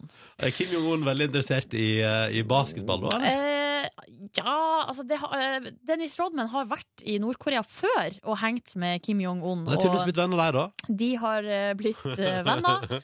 Eh, Men denne gangen så har, skal også eh, Dennis Rodman han skal ha med seg da en, en, en gjeng med flere basketballspillere. Og han Det blir basketbursdag ja, i Nord-Korea. det, det sier ikke noe om her det, om det skal være noe tema i bursdagen, om det kanskje det skal være utkledningsfest. Og jeg tror eller... at du skal kle deg ut som NBA-spillere, ja. Og så skal Kim Jong-un eh, vinne en basketkamp mellom masse Fordi det har han arrangert. Ja, riktig. At han skal vinne over disse NBA-spillerne. Tidligere NBA-spillerne. Ja, og det her er Dennis Rodman. Han sier her, han uttaler seg altså til eh, nyhetsbyrået AP. Da er han altså utafor hotellet i Beijing i Kina, på vei til Nord-Korea. Og da sier han det handler om å prøve å samle USA og Nord-Korea og la folk få vite. Vet du hva? Ikke hvert eneste land i verden er dårlig. I hvert fall ikke Nord-Korea, Ja, okay. sa uh, Dennis Rodman da på vei til Nord-Korea. Kan vel diskuteres. Jeg vet, ikke, altså, jeg vet ikke om han har så mye kompetanse på utenrikspolitikk og menneskerettigheter og hvordan det står til rundt omkring i, i verden. Svar på det nei. Jeg tror det er nei. Uh, vet, han har sikkert i hvert fall ikke fått med seg at uh, onkelen til Kim Jong-un nå i desember ikke syns det var Altså, han blir henretta, rett og slett. Ja, så det er jo ikke det koseligste av regimet han skal til. Men Dennis Rodman blir jo ikke henrettet. Han skal bare spille basket. Det blir koselig. Og feire bursdag. Ja. Partyhatter, glitter. Staselig. Åh. Mm. P3. Lena Kristin Ellingsen, velkommen til P3 Morgen. Tusen takk. Det er utrolig hyggelig å være her. Du er vår første gjest i 2014, og det føles helt riktig. Nei, er det sant? Ja, selvfølgelig. Det er jo første normale ja, dag. Ja, ja, selvfølgelig. Ja. Ja. Eh, men før vi liksom vi, må, vi skal prate masse Du er jo aktuell med Mammon på NRK1, Ja. som går i kveld. Mm. eh, andre episode. Uh, men det skal vi prate om straks. Først må vi begynne med, føler jeg, hvordan har jula vært? Du, den har vært kjempefin. Eh, det har vært full, full avslapping. Eh, blitt servert god mat og Og er blitt servert? Ja Hvem da. er det som har servert? Hun mamma. Åh, så deilig. Ja. Så du har bare fråtsa og kosa deg eh, maks, da? Ja, det har jeg virkelig gjort. Hva var den fineste julegaven du fikk? Oi! Eh, Ja, det stemmer. Du må velge favoritter her på radioen. du, vet hva? Jeg, jeg har jo fått så mye fine ting til sønnen min. Sånn Ja. at jeg er jo mer opptatt av de gavene enn de gavene jeg har fått sjøl. Ja. Sånn at eh, ja. Har du fått noe skikkelig stygt til En sånn stygg, stygg klesdrakt til sønnen din også? Nei, jeg har fått bare fine ting til han. Ja. Flaks! Ja, flaks. Trenger ikke å kjøpe noe klær sjøl til han, for han får alltid fra, fra Folk. venner og familie. Hva med 2014, Lena? Hva er det du gleder deg mest til? Jeg gleder meg veldig til å eh, begynne å spille teater oppe på Torshov. Ja, det gjør jeg. Hva du skal Eh, spille for noe? Du, først så skal vi i gang med Ole Ivars eh, Du skal være med på den, ja! ja. Kødder du? Er det Nei. Det er sant, ja. ja, ja. Ja. Må du på et tidspunkt gå rundt og synge sånn Nei, så tjukk du har blitt. Ja, blant annet. Og jeg synger jo mye Ole Ivars for uh, han Ivan, sønnen min, for tida. Og han Ja. syns det er helt storveis. Ja, så dette her blir helt konge, med andre ord. Ja, jeg gleder meg skikkelig til det. Ja. Nå for tida er du altså da på fjernsynet på NRK1. Premiere første nyttårsdag på Mammon med altså 3000 seere til, så det har blitt en million. 997 000 så på. Anmelderne kasta terningen til femmere, blant annet i Aftenposten. Mm. Eh, Twitter kokte med hat. ja. Ja. ja, det var helt absurd. Jeg har ja. akkurat meldt meg inn på Twitter, eller eh, jeg har begynt sånn smått å twitte litt sjøl. Men når det, kommer, når det er en sånn stor, stor ny satsing fra NRK, du spiller en sentral rolle som økokrim-etterforsker. Altså, eh, hvordan er det da å sitte der på Twitter og bare motta dritt fra ja, stort sett kulturelite og andre skrivende? Du, eh, jeg lar dere gå så veldig sterkt inn på meg, for å være helt ærlig. Eh, Jeg syns veldig mye ut av det som står der, er vås eh, og ganske grunt. Mm. Eh, og jeg syns at det er urettferdig å bedømme en eh, TV-serie etter å ha sett en halv episode, for folk driver jo og tvitrer underveis. Ja, selvfølgelig, selvfølgelig. Og det er jo en uting og en ukultur som jeg syns at Ja, det må folk bare slutte med. Mm.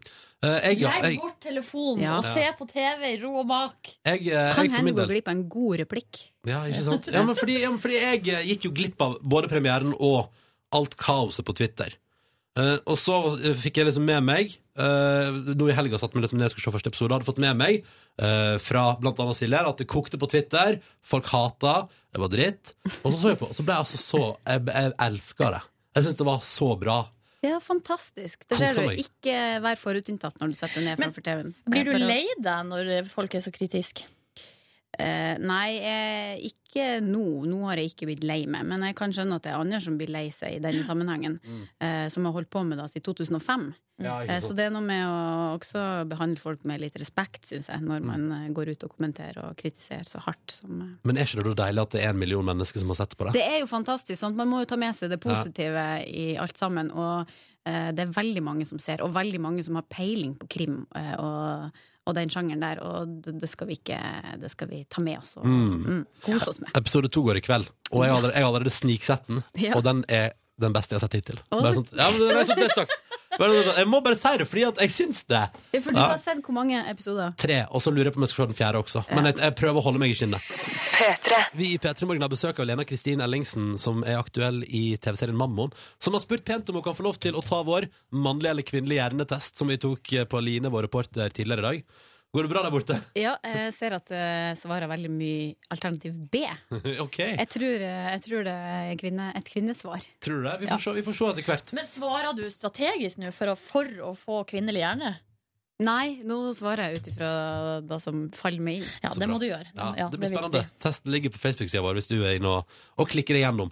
Lena Kristin, du, du spiller Økokrim-etterforsker i TV-serien Mammon, som går på NRK1 i kveld, episode to. Eh, hvordan er det å spille for det første Økokrim-etterforsker, for det andre ekstremt datakyndig? Du, uh, jeg føler at jeg Hva skal jeg si eh, Ligner mer på den datakyndige enn den eh, økonomisk eh, oh, ja. smarte. Ja. Er du datakyndig? Nei, altså, eller eh, ganske god på touchmetoden. Oh! Ja. Ja. Var, det, var det sånn de testa på deg når du var på Når du vurderte å ha deg med i serien? Var det sånn, kan du vise oss din uh, touchmetode? Eh, nei, det var det ikke. Men eh, det er klart, man kan jo jukse veldig mye når man er på TV. Ja, ikke Ja. Har du, du har ikke ha- hand-stand-in? Altså at noen andre kommer inn og er hendene dine på tastaturet? Eh, nei, ikke Nei. foreløpig. Nei, nei, ok. Kanskje sesong to. Kanskje sesong to. Men hun eh, som du spiller, altså Vibeke, som er Økokrim-etterforsker, hun ser jo også utrolig bra ut. eh, Det må være lov å si. Altså, veldig fine klær, veldig kul sveis. Og da tenkte jeg når jeg så på det, ser de så fresh ut i Økokrim? Ja, det Gjør de det? Ja. Jeg Har du vært der og sjekka? Jeg har, har gjort research på Økokrim, og der traff jeg ei utrolig flott dame. Så Ja. mm. For jeg ser for meg litt mer sånn grå, grå mus-aktig gjeng. finnes sikkert noen grå mus der òg, vil jeg tro. Som i alle bedrifter. Ja, okay. ja. Ja, men det var bra at, eh, ja, da har vi fått eh, klargjort det. Men også hun, rollen din, Vibeke, hun, har, hun sliter med angst. Mm. Uh, og uh, ja, hvordan var det å å liksom spille den rollen? Eh, Det var ganske frustrerende. Ja, på hvilken måte? Eh, Nei, altså, man vet jo ikke helt, eller jeg vet jo ikke helt hvordan angst fortoner seg over eh, lengre tid. Sånn at det må man jo bare gjette seg til. Eller selvfølgelig Jeg så jo en del på YouTube, blant annet, for der sitter jo folk og snakker om sin egen angst. Og det som er så snodig, det er at de, kan, de sitter helt i ro og sier nå er jeg så redd at jeg vet ikke hvor jeg skal gjøre av meg. Ja. Men du, det syns ikke på utsida. Sånn at det, man må jo liksom trene opp den der eh, angstmuskelen og prøve å forstørre den. Sånn at eh, ja, den, Men- får sitt uttrykk. Klarer du, klarer du å, å skru det av når du er ferdig på opptak? Ja, altså Når jeg kommer hjem, ja. Ja. Men når man er på opptak altså i løpet av en dag, så det, det er såpass eh, Det er ganske tungt arbeid. Sånn at det, det gjelder vel kanskje å ikke gå helt ut av det moduset heller, for å, for å greie å framstille det så troverdig som mulig. For Jeg kommer litt inn i det moduset bare av å se på. Ja. Jeg blir livredd. ja. Ja, nei, det er litt skummelt. Um, Det er bra. vi tenkte jo, eh, Lena Kristine Ellingsen, at siden du nå spiller økokrimetterforsker i, uh, i Mammon, og da har Altså, du bedriver Altså, det handler om økonomi, Ja. så vi har spurt deg pent Kan du ta med kontoutskrifta di til oss i P3 Morgen. ja. Ja! Ja, jeg sitter og ser på den nå. Åh, vi, skal, vi skal kikke på den straks, altså. Eh, og bli litt bedre kjent med deg gjennom å se hva du bruker penger på. ja. Gleder du deg? Litt nervøs? Ja. Ja, men det syns jeg du skal være. Ja. Det er helt topp, det. Lena Kristine Ellingsen er å se i TV-serien Mammon på NRK1 i kveld klokka halv ti. Eh, og akkurat nå er hun på besøk hos oss i P3 Morgen. Spiller Økokrim-medarbeider i eh, TV-serien. Og da tenkte vi i P3 Morgen ah, for, en perfekt, for et perfekt skalkeskjul. For å si Lena Kristine Ellingsen, ser du jobber i Økokrim i Mammon, kan vi få se på kontoutskrifta di for å bli bedre kjent. Og jeg har dykka inn i, eh, i eh, materialet her. Vi har fått to sånne A4-sider som, som du har skrevet ut. Som jeg har nå prøvd å ta for meg. Eh, Så prøver man jo å lete etter litt sånn eh, Godbitene. Ja, også, også litt sånn eh, noe mønster. Er det en Ja. mønster i forbruker? Jeg ser for meg det er det de gjør på Luksusfellen. Ja, ja, ja, Mønster i forbruket. Det jeg ser her nå, Lena, er at det er mye Espresso House, Espresso House, Kaffebrenneriet, Kaffebrenneriet, Deli de Luca, Kaffebrenneriet. Der er du ofte. Ja, sett, der sitter jeg. Ja, ja, ja. Ja, er det det, gjør du det, eller tar du to go? Eh, Nja, begge deler. Men eh, det blir litt sånn at eh, jeg får ikke i meg frokosten. Jeg tar veldig sein frokost, nærmest en lunsj som frokost Ja. ute når jeg går tur med han der lille tassen min. Ikke sant. Det er jo en ganske dårlig vane, da, men jeg syns det er veldig hyggelig òg. Ja, men det tror jeg på, og eh, Man må unne seg sånne ting. Men her, her er mitt spørsmål. da er dette, Jeg føler at dette her er en sånn type sånn skuespillerting. At alle dere skuespillere dere driver og liksom Nei, vi, må bare, vi henger bare på kaffesjappa, vi. ja. Ja. ja, det vi setter, Ja, det er der vi sitter. Hva går du for eh, på kaffefronten? Er det caffè latte? Nei, det er ikke caffè latte. Det er vanlig kaffe. Oh, ja. Vanlig kaffe. Ja, Yes. Vanlig svart kaffe. Okay, Ja, Ja. Det liker jeg best. Det kan du lage hjemme òg. Kan du lage hjemme òg, vet du. Det har du helt rett i. Ja. Så, Ja, ja, nei da. Skal vi se her. Her er du på Babyshop. Ja. 1239 kroner. Hva har du Ja. kjøpt der? Du, eh, bare tilfeldigvis så bare poppa jeg innom der her om dagen. Eh, Som man sier. ja. Eh, og da, da var han Ivan et halvt år, så da tenkte jeg han måtte få seg en liten gav. Eller, eller fire. Så da, så da fikk han ei sånn eh, matt. Ei blå, fin matt som han Matte. Som, som lekematte. Ja, lekematte. Ja. Ah. Eh, som han kan kose på. Og så fikk han en sånn heldekkende sånn helfigurssmekke. Som, eh, Oi. sånn at han skal Smart. slippe, ja, han skal slippe å rive i den som han har. Du, det, Og at det blir mindre arbeid for foreldrene. det er veldig deilig å bare dekke hele kroppen. Sånn det er sånn, ja, nei, Da kan du bare grise så masse du vil! Så det er en ting her jeg er veldig spent på, for det er fra eh, 17.12. Der er det printed cards. 763. Er det julekort? Det er julekort. Ja, det er det. Men er ikke det lovlig seint den 17. Jo. desember? Jo. Eller, Posten skulle ja. jo gå den 16. Ja, men ikke så rart. ikke. De, de var bestilt før, altså. Kanskje okay, ikke det ble trukket for den 17. Ja, sånn Ah. var det, ja. Men Ja. hva var motivet på eh, julekortene? Du, det var litt forskjellig. Jeg tenkte I og med at dette, vi akkurat har fått denne ungen, så, så kunne vi ikke ha bare ett bilde. Vi måtte ha ni. Å ja, så du har julekort med ni bilder? Ja. ok, Så et lite fotohefte der, altså, Det- til nærme, nærmeste familie og bekjente? Ja. Men var det da også bilde av eh, altså deg i eksempel som økokrimetterforsker i Mammo? Så hadde Trond Fausa fra Lillehammer i rolle. Litt Steven van Sant Ja. var med. ja da, vi hadde sånn skrytebilde. Mm, sånn var det. Så bra. Men det sto ingenting i julekortet sånn PS, husk første nyttårsdag, da skjer det ting på NRK? Var Jo, jo, selvfølgelig. Da også. Ja, ja, Ja, ja, ja, sånn promokort. vil ja, ja, ja, ja. Ja, riktig. Utrolig bra. Deg på sånn joggetur som økokrim-etterforsker. Eh, noe mer av interesse på kontoskriften? Eh, ja, jeg bare ser her Du har vært på Vinmonopolet i Bodø, tatt Nordland Taxi. Det var fordi du var i Nord-Norge i, Ja, i jula. Og så har du også kjøpt her eh, VG pluss, altså 35 kroner. Hvilke saker var det som Hva er det du har trykt deg inn på? Jøss, har jeg det? Nei, det hvis, det var, hvis det var den saken 'Slik redder du forholdet', og så er det sånn bilde av et par i senga For det Ja. vurderte jeg òg å trykke meg inn på. Men Ja, eh, riktig. Det gikk ikke. Uh, det, jeg husker ikke helt, men det var mest sannsynlig den saken. Ja, ja. her har noen i hvert fall kjøpt seg VG pluss-abonnement med ditt kort. Ja. Bare sånn at du vet det. Ja, ja. Nei, men kos, kos dere med den. Takk for at vi fikk lov til å titte på kontoutskrifta, Lene Kristine. For at vi ble litt bedre kjent med deg. Mye okay. kaffe, Ja. eh, og det kommer bort eh, barnet på halvtårsdagen. Ja. Og et lite fotohefte til venner og bekjente til jul. Jeg syns det var bra oppsummert. Jeg. Takk skal du ha. Nå har du jo tatt uh, testen vår, eller er ikke vår. Det er en fjasete test vi har funnet på internett. Har du kvinnelig eller mannlig hjerne? Og Lena, hva, hvor mange poeng fikk du? 225. Da har du kvinnelig hjerne, og vel så det. Kjempekvinnelig. det. Kjempekvinnelig hjerne. Jeg vet ikke om det er positivt eller negativt. Jeg tror det er helt konge. Men du er, fall, altså, du er by far den mest kvinnelige som har vært innom dette radioprogrammet. Ja, Ja. i dag. I dag og Ja, ja. ja nei, så det, gratulerer med den, altså. Um, vi satt akkurat og prata fordi TV-serien Mammon går på NRK for tida. Uh, Twitter har slakta den litt. Anmelderne har gitt den gode kritikker. Jeg personlig elsker den. Syns det er utrolig spennende. Episode to går i kveld, halv ti. Uh, og ja, ja, ja, vær så god, Silje. Nei, og så var det sånn at uh, dere visste ikke hvem skurken var eh, Nei. under innspillinga. Mm. Eh, Deler av innspillinga. Hvor, Mm. Hvordan var det? Nei, det er jo veldig frustrerende, spesielt når du hele tida skal lete etter tegn. Ja. Eh, som karakteren du spiller.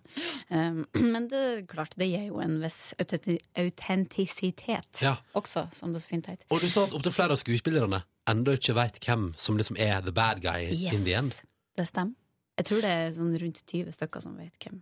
Å, Gud, så utrolig eh, irriterende. Jeg vet det Jeg vet det. Du vet det, ja. Ja. Mm. Har du sagt det hjemme til eh, mannen din, eksempel? Nei, det har jeg ikke gjort. Du kommer ikke til å gjøre det heller. Nei, spør overhodet han. ikke. Jeg har jo ikke lyst til å ødelegge spenninga for hans del. Nei. Syns han serien er bra? Han syns det er kjempebra. Han tør ikke si Mm. noe annet. Nei, det skulle tatt ut. På samme måte som at du også syns Lillyhammer er det beste i verden, sant? Selvfølgelig. Selvfølgelig. Ja, ja. Det, det, det, men hadde, det lurer jeg på, i et sånt uh, skuespillerforhold, tør man å si til hverandre hvis ting er dritt? Ja. Å, man gjør det. Ja, vi er i hvert fall da. Kanskje vi pakka det inn eh, Ja. I, ja, med fint papir, men, eh, vi, men, eh, men vi er ganske flinke til å komme med konstruktiv kritikk Ja, til ja. hverandre. Det tror jeg det er bra. Ja. Det er fint. Uh, Lena Kristin, du skal få svare på spørsmål i vår stafett. Mhm. Kåre Magnus Berg var vår siste gjest før jul, og han stilte følgende spørsmål til deg. Jeg vil spørre deg om eh, Det er sikkert mye du gleder deg til i 2014, men hva er det du gruer deg til? Oi, det er vanskelig å svare sånn på stående fot. Men uh, jeg har jo utrolig masse, som han sier, jeg har veldig masse ting å se fram til. Men uh, en ting som jeg syns er litt kjipt, det er da at uh, nå er snart mammapermen over. Ah. Og så sjøl om jeg har jobba mye i, sånn mentalt, så, så skal jeg faktisk gå på jobb og være vekke fra han i flere timer. Og det gruer jeg meg litt til. For nå, nå, nå begynner han å bli skikkelig, skikkelig kul. og jeg må være i lag med, så um, Åh, akkurat når kiden begynner å bli skikkelig Ja. kul, ja. ja. Ja, så det er noen andre som skal passe han. Det er ikke så kult. Så plutselig så vil han bare være sammen med de andre, ikke sammen med meg. Jeg tror det går Han bra. vil være sammen med deg mest, Ja. uansett. Vi får satse på det. Får bare slenge ut puppene uh, i tid og utid, så, så at han uh, passer på at han er avhengig i lang tid fremover. God plan. God plan. Eh, Lena Kristin, neste gjest i P3 Morgen er to stykker. Det er Lars Berrum og Martin Beyer-Olsen, som på onsdag har premiere på sitt program på NRK. NRK3, da. Som er altså da verdens beste talkshow. Berrum og Beyer. Og da lurer vi på, kunne du tenke deg å stille et spørsmål til deg? Ja, det, det vil jeg veldig gjerne. De er jo veldig artige typer. Men jeg tenker at hvis at de fikk et program som de måtte fylle med bare seriøse ting, hva skulle da være? Og nå må de, da må de svare seriøst òg. De har ikke lov til å tulle i svaret. 30 minutter, eller et, eh, hvor langt skal programmet være? Hvor lang, hvor lang Det er vel 30 minutter nå? Ja. Ja. 30 minutter med alvor. Ja. Vær så god. Åhå, det skal vi få svar på når de kommer på besøk til oss. Lene Kristine Ellingsen, lykke til med snart ferdig pa i pappa, holdt jeg på å si, mammaperm. du og den kvinnelige hjernen din. Eh, og så sier vi òg lykke til videre med mammaen. Det blir jo veldig spennende å se utover hvem som er the bad guy. Yes. Oh yes. Takk for at du kom til P3 Morgen. Takk for meg. P3. Kjartan Endre og Anders, halloi. Hei. Hei. Hei. Hei. Hei, Hei. Hei. Hei. Hei, Silje. Dere er jo i programmet Kirketid, som, går, som har eh, nypremiere, for å vel bli eh, Er ikke det det heter? Jo, vi har jo prøvd å ha opptil flere premierer nå eh, i mange år. Eh, men nå skal vi ha en en skikkelig premiere. Kan ikke si at jeg har blitt invitert eh, til premierefest. Har invitasjonen min kommet bort i posten? Det ser Ja, sånn ut. Det kan faktisk virke sånn, for vi skal nemlig ha en premierefest uh, nede på en sånn der uh, eh, ja. indisk uh, sånn der billigversjon-sjappe seinere i dag. Ja, billig. All, all you can eat buffé. 79, oh. 79 kroner. Når, når da? Det er kun oss tre som Det skal. blir oss så- tre. Så, Oh, ja. Ja, Da gidder ikke jeg. Så det, hva har du lyst til å snakke om, Ronny? Nei, Kirketid. Ny premiere i dag klokka 11 på NRK Yes. P3. Om et par timers tid. Er dere klare? Ja. Først og fremst det må jeg si, vi er ikke så vant til å stå så tidlig opp om, om morgenen. Å, stakkars. Vi måtte komme hit. Vi måtte begynne tidligere. Men kan vi, eh, kan vi eh, skrive på dette her som overtid? Ja, det kan dere. Å være innom Petter i morgen, ja? ja? Det tror jeg skal gå fint som overtid. Ja, for vi begynner vanligvis ni, da, men i dag begynte vi åtte. Så eh, ja, det er en time ekstra, det. Ja, det, det, bare, det blir deilige penger i kassen, det. Hva skjer i programmet Kirketid, som går mellom 11 og 1 på P3 mandag til torsdag fra og med i dag? Vi er jo tre menn. Ja, det er dere. Ja. Ja, og det vil vi presisere. Vi er veldig mandige. Eh, Men vi liker å snakke om eh, ting som forhåpentligvis de som hører på, syns er gøy å høre om. Og så eh, skal vi ha litt det er eh, forskjellige ting. Vi har kåt eller trist. Mm. Det betyr at du får, høre en, du får høre en lyd, og så må du kjenne etter inni deg. Blir jeg kåt, eller blir jeg trist? Og så skal vi jo faktisk da ta opp igjen eh, denne gode gamle Det er en post i programmet som vi har hatt før, som heter Skrifteboksen. Ja. Der folk kan ringe inn og sende melding inn til vår telefonsvarer på 0 3512. Uh, eh, eh, og bekjenne sin synd til oss. da For eksempel, Hvis du har vært eh, så heldig og vært ute og rotet litt rundt og rotet det bort og kanskje sølet ut buksene dine i helgen, så kan du ringe inn, og så kan du uh, bekjenne din synd. Hva mener du søle ut buksene? Jeg, jeg bare tenkte på no, det mest syndige jeg kom på. Dere lurer sikkert på hvorfor vi er i posisjon til å tilgi. Ja, ja, det ja. Det, det vi, vi, vi begynte jo som et søndagsprogram, sant? Så, så tenkte vi kirketid og så trodde ikke vi at vi hadde noen større karriere i P3 enn det søndagsprogrammet. Nei, for nå skal dere jo ta over, eller dere skal på en måte fylle inn for Radioresepsjonen, de største stjernene. Ja, våre, Eh, våre vi- idoler, da. Ja. Eh, skal vi vikariere for? De tar jo de her eh, lange Lange, danskebåtturene sine. Tusen, tusen takk for at du minner oss på det. Ja, hvordan, hvordan, blir, er dere, hvordan føles det?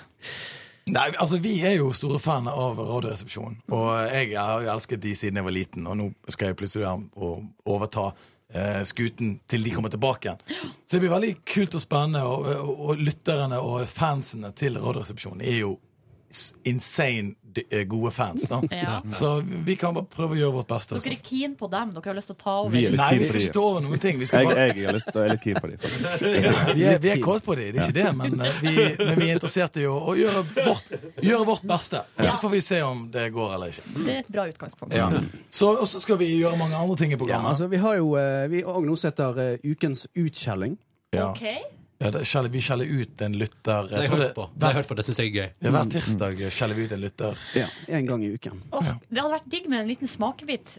Går, kan dere skjelle ut Skjell ut Ronny litt? Ja. Er det Ronny. ikke du som bruker å gjøre det, Anders? Ja, det er Anders som gjør det. Så pleier vi å intervjue lytteren på forkant. Og så må vi ha et litt sånn kjapt intervju med Ronny først. da Ja. Vi kan ta det sånn OK, Ronny. Eh, hvor kommer du fra? Jeg kommer fra Førde. Sogn og Fjordane. Du kommer fra Førde og Sogn og Fjordane. Og så lurer jeg litt på sånn hobbies. eh, Og, eh, hva- har du noen hobbyer? Ja, jeg ser på TV eh, og på film. Og hører på musikk. Ok, hva, hva er det du heter egentlig utenom Ronny? Eh, Ronny Brede Aase heter jeg. Det er det du heter? Ja. Ok. Er du glad i eh, jobben din, Ronny? Elsker jobben min. Ja. Men da, eh, Ronny, tror jeg at eh, vi begynner å nærme oss at du kan få din egen utkjelling fra Anders Mekoli. Da, da kommer jeg inn i studio da, på Ja, nytt. oi, du må komme inn på nytt, ja. Ja. ja. OK. Ronny, din morgenglade bygdetulling fra Førde, kommer her til byen og tror at alle setter pris på et hurrarop klokken syv om morgenen. Gi oss en sjanse til å ta en kopp kaffe da, før du åpner denne superpositive programlederkjeften din. Din hurra meg rundt karrierebyggende, selvgode good times-kødd! Tror du at du er bedre enn oss? Vi sliter med å stå på morgenen, ok? Så får vi dårlig selvtillit fordi vi er ikke like våken som deg. Drittsekk! Og navnet ditt Ronny, hva faen er det for noe? Alle belastede kriminelle og halvkriminelle heter Ronny. Jeg tipper du egentlig heter Johannes, men skiftet navn til Ronny for at damene skulle tro at du var en getto-gangster som kjører rundt i en stylet Golf med ekstra subwoofer. Din dopdealende, pistolslingende eplebonde. Kristelige hei. Wow, wow. Bolig. Ikke kall Ronny for en eplebonde. Nei, det går ikke. Det går ikke. OK, men eh, så hyggelig med en eh, deilig liten forsmak på hva vi kan få i kirketid. Ja, så vi skal prøve å lage en uh, Har du skjelt ut mange i helga siden du høres så uh, hes ut i stemme, Anders? jeg, har, jeg går veldig mye i helgen og skriker på buss, busser og sånt. Vi har jo sett han, vi har kjørt forbi trikker og forskjellige kjøretøy og mopeder, så har vi sett Anders stå på gatehjørnet sånn, og bare med pekefingeren opp i luften og skjelle ut folk. Putte med neven. Å, deilig. God sending i dag. Jeg gleder meg til premieren klokka 11. Takk for at vi fikk komme. Tusen takk. Eller Golding eller Keen? Alltid keen. Alltid Keen. Bra. Velkommen til podkastens bonusspor. Nei, det går fint. Til stades i bonusspor i dag. Eh, Silje Nordnes. Yep. Eh, eh, Line Elvsås Hagen. Reporter og har hørt eh, i sendinga. Hey, hey. Og vår nye produsent. Hallo, Cecilie Ramona. Surprise! She's back! Ah, yeah. Velkommen tilbake til P3 Morgen. Jeg sliter litt med den her, jeg. Mm. Popfilteret, det er det du sliter med. Det er en sånn lite slags filter vi har foran mikrofonen. Jeg liker ikke det så godt. Men det er viktig for å få unna p-en. Er det det det er til? Ja. Jeg har aldri skjønt det. Fordi det er. Popfilter! Når du lager radioprogrammet Ramona og Siggen, er det dette studioet her dere sender fra, da? Svaret er nei. Vi sender fra der hvor P3 Morgen sender fra hver dag. Et ja. større studio. Ja, et litt hyggeligere studio. Hyggeligere studio. Med Det er med luftig. Luftig stemning. Ja, Litt varmt der i dag tidlig, syns jeg. Inni det, Det andre studioet. er dårlig luft. Ja, veldig dårlig. Veldig dårlig luft. Så har vi fått Eh, lyskastere der inne. Det Stille spotlights! Å ja, å ja. Så der inne skjer det ting, da, kan du si. Er vi på bonussporet nå? Ja. Herregud. Wow. Nytt år, Silje henger ikke helt med syngende. OK, vi må, det er mye å prate om i dag. Hvordan har julefeir Eller først, eh, først Line. Hvordan har første dagen i P3 Morgen eh, vært? Ja, det var kjempegøy, bortsett fra at jeg passa en baby. Babyen til Lena Kristin Ellingsen. Var ikke det gøy? Eh, det var veldig hyggelig inntil babyen begynte å gråte. Så jeg måtte gi fra meg babyen til gjestebukker Naya, og da ble babyen helt stille. Ja. Ellers har det vært helt fantastisk ny dag på jobb. Men sier du at du har du ikke barnetekke? Nei, jeg har ikke det. Det går greit så lenge de på en måte ikke gjør noe ut av seg.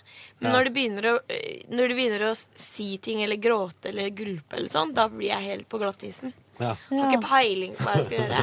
Og Cecilie, du ga jo beskjed allerede på fredag om at det var helt uaktuelt for deg som produsent. ja. Så vi måtte få gjesteboken Naya til å komme tidligere for å passe den Jeg er babyen. redd for barn. Men hun hadde barnetekke. Hun hadde barnetekke. Herregud, ungen sovna jo som en sånn paddeflat helt på skuldra hennes. Ja. Det var veldig nydelig. eh, kanskje hun burde begynne å få seg barn? Ja. Ja. Tar jævlig mye tid, da. Ja, det Å få barn, ja. ja. ja. Mm. Altså selve det der eh, Selve laginga? I gjennomsnitt 11 minutter, er det ikke det vi det det? Uh, har eh, lært? Er det det? Elleve minutter er ikke mer. Er ikke mer som skal til. Nei, det heter jo den boka til han uh, fjompenissen Pablo Coelho. ja, men seriøst. Ja, Han den er ganske bleik. Nei, for han, det er jo han som har skrevet 'Alkymisten', som, Å, er, som jeg har lest 'Alkymisten'. Jeg likte den litt, men altså, jeg vil ikke basere min livstro og liksom min, min innstilling på livet etter 'Alkymisten'. Jeg kjenner flere som gjør det. Ja, det burde man ikke gjøre. ikke bra. Da må man få litt flere. Få en second opinion okay. fra statskirka eller noen andre som kan gi ja, perspektiv. Uansett. Stas å være tilbake igjen. Uh, jo, men jeg skal fortelle om boka 11 minutter, som okay. handler om Tida det tar å unnfange. Ja, det handler om ligging. Og det er protagonisten, altså fortell, hovedpersonen der, er en ei kvinne, ei jente, som blir prostituert. Ja. Og han er jo da en gammel gris som skriver Fjompenisse Ja. slash gris. Som skriver denne boka i jeg-form. Ja, Altså ja. Som, at- som ei ung jente. at han skriver som om at han er jenta. Ja. Mm. Og da, altså, jeg Hva leste vet man om det? Ja, Ekkelt. Nettopp. Hva vet han vet om om det. hvordan det er å være Kanskje, prostituert? kanskje, han var, kvinne? kanskje han har vært kvinne og prostituert tidligere? Tidligere i liv. Ja, nei, men jeg kjenner jeg ble uh, meget skeptisk. Men tittelen til boka er, er i hvert fall fra Det finnes noe statistikk på at gjennomsnittsligget Ja. er 11 minutter. Oh. Så det handler ikke nødvendigvis 11 minutter. Da får man barn som regel. Jeg tror ikke det handler om at ja. Nei, det handler ikke om barn, nei. Jeg tror ikke at det er en regel at Det har ikke noe med det å gjøre. 11. Det kommer an på mange faktorer, Line. Ja, ja, Om du har eggløsning, om du har prevensjon. Denne sexundervisninga kan dere to ta på privaten etterpå. Hvordan har eh, julefeiringa vært, folkens? Jule- og nyttårsfeiringa. Kan jeg bare si at jeg syns at eh, Eller jeg føler meg litt sånn ferdig med det, på en måte at jeg ikke helt husker hva jeg har gjort. Jeg kan, jeg, jeg kan kaste ballen først, jeg. Gjør det. Mhm. Vi hadde julefrokost. Men skal vi fortelle om alt vi har gjort? Nei, man drar Nei. jo fram høydepunkter, Ja, kjære okay. venner. Vi hadde julefrokost. Mm? Tre høydepunkter. Okay. Vi hadde julefrokost. Jeg skal fortelle historien om da eh, juleferien min var i fare. Uh, vi hadde julefrokost fredag 20. Men da blir det et høydepunkt, da. Ok. Det blir ett av de tre høydepunktene. det, blir begrensa her? Ja. Lavpunkt. Okay. Det var et lavpunkt. Vi hadde julefrokost. Det var ikke et lavpunkt, det var et helt et suverent høydepunkt. ha julefrokost. Det var helt konge og helt nydelig. Uh, og så hadde jeg underveis i julefrokosten kjent at jeg hadde litt vondt i høyrehånda mi. Eh, og så tenkte jeg sånn, ja, men det går over. Sikkert bare musearm eller et eller annet. Jeg vet da faen. Men det går, det går bra. Så hva du har holdt på med? Eh, bruk data. Bruk data. Jeg har jo ikke et eh, jeg Faen, For en gjeng, da. Jeg har på ingen måte sertifisert databord for tida. Jeg har på ingen måte et sertifisert databord for tida. Fordi for øyeblikket står Mac-en min eh, Når jeg bruker den, står den på stuebordet. Når jeg ikke bruker den, står den nede på sida av stuebordet. Classy. Ja, ja, ja, det er konge. Um, men i alle fall, så tenker jeg sånn, dette går bra. Så går dagen, og jeg slutter på jobb og tar juleferie. Og jeg og min kjæreste går ned til Oslo sentrum for å nyte en bedre lunsj sammen. eh, Og bare nyte at vi har ferie. Og jeg er i godt humør, og alt er på stell. Men armen min gjør altså så jævlig vondt. Og vi kommer inn på en uteplass der jeg på et tidspunkt må sitte liksom med armen liksom foran meg på bordet. Det er den eneste måten. Jeg må liksom legge hele armen der, hvis ikke gjør det ubeskrivelig vondt. Og det bare vedvarer utover dagen. Og til slutt uh, kommer hjem igjen på kvelden der, uh, sånn i nidraget. Og da har et lite parti Hva heter det partiet her? Håndleddet. Håndleddet har altså da gått eh, fra å være helt vanlig til å bli ganske hovent. Og på kvelden der på fredag 20. har det også endra farge til brunlig. Og da tenker jeg eh, dette går ikke. Ringer legevakten, sitter i kø i 19 minutter, vurderer å legge på et par ganger, eh, og frykter her nå. Ser jeg for meg scenarios. Har jeg eh, røket leddbånd? Har jeg fått så hva heter det, sånn senebetennelse? Ja, ja, Altså, liksom, hva skjer nå? Må jeg operere handa mi? Altså, alt det Var du redd for å måtte amputere, for eksempel? ja, ja, alt sammen. Jeg er innom alt sammen i en slags desperat panikk. Og jeg ser for meg at min flytur hjem til fødedagen etterpå ryker. Å, gud. Så nå ser jeg liksom jula gå til helvete. Og jula i fjor gikk jeg jo med sånn bandasje på beina en stund, for jeg vrikka foten så kraftig. Så tenkte jeg sånn, skal jeg nok en gang gå med en del av kroppen min i fatle eh, i julefeiringa? Er det sånn det, er det, skal jeg være så uheldig? Eh, men så kom jeg gjennom på legevakten, der hun på legevakten-telefonen sier ja, når du må komme ned og ta en titt på dette høres alvorlig du må komme ned og ta en titt. Og så sier jeg sånn ja, men tror du ikke jeg kan vente? Så hun bare nei, det høres ut som noe som vi kanskje burde se på. «Åh, jeg vil ikke. Og så er jeg sånn, er det, det er vel lang kø hos dere òg? Ja, det er jo det. Men så er hun stille et par kvinner så er jeg sånn OK, hvor bor du? Sier hvor jeg bor, og så er jeg sånn OK, det du gjør nå Nå kommer du deg så fort du kan opp til Aker sykehus i Oslo. Oi. Som et annet sykehus, Ikke sentrumslegevakta, men et annet sykehus. Og hvis du forter deg, og det stenger om en time Hvis du forter deg alt du kan, så kan det faktisk hende at du slipper å kø. Så jeg er jo bare beina ut i en taxibil. Kommer, altså, ta det som, omtrent som jeg går i tøfler, liksom. Kom meg oppover til eh, sykehuset der. Kom inn på legevakten. Ingen kø. Registrerer meg. Kom inn til legen. Han sier sånn ah, Det tar to minutter, så vet han nøyaktig hva det er for noe. Og det er heldigvis bare en betennelse, en infeksjon. Og jeg må bare gå litt på antibiotika. Og så er det vekke på to dager. Så eh, jula redda, og da eh, begynte jeg å grine. Når han sa, fordi jeg så for meg det verste scenarioet i verden, at juleferien røyk. Men når han sier nei, nei, nei, men dette er bare en infeksjon, eh, og er sånn utrolig happy go lucky-lege, som bare nei, nei, nei, nei, og så eh, vet skjønner jeg med en gang hva det er for noe. Og jeg begynner på antibiotika, og det er jo vekke dagen etterpå. Så det var jo helt konge. Hva var diagnosen? Eh, betennelse Jeg husker ikke hva det heter, men et eller annet sånn Men hva, hva kommer det av? Jeg, jeg Jeg har fått en infeksjon gjennom huden på et eller annet vis. Men for en service! Veldig bra. Jeg var, Kjempeservice. jeg var fra jeg reiste til legevakten til jeg var hjemme igjen. Gikk det en halvtime, og da var jeg også på apoteket. Seriøst? No joke! No Fy flate. Og da var det rett hjem å lage taco og bare nyte livet. Det var et julemirakel. Og å fly hjem til Førde dagen etterpå uten særlig vondt i håndleddet var noe av det fineste. Å fly inn der. Pissregna i Førde, men det gjorde ingenting. Kosa meg, var hjemme, chilla, naut livet. Godt å se familien igjen. Hadde det helt suverent, var hjemme over god veke. Og da vil jeg trekke frem et andre punkt fra jula. Skoltelaget med kompisgjengen søndagen før jul. Jeg husker ingenting fra ni om kvelden til seks om morgenen. Jeg skylder på antibiotikaen, jeg. Men det var jævlig gøy og veldig hyggelig. Vi var i gamle stova hos Ørjan, som er gammel stove, det stemmer det? Et lite hus på tunet.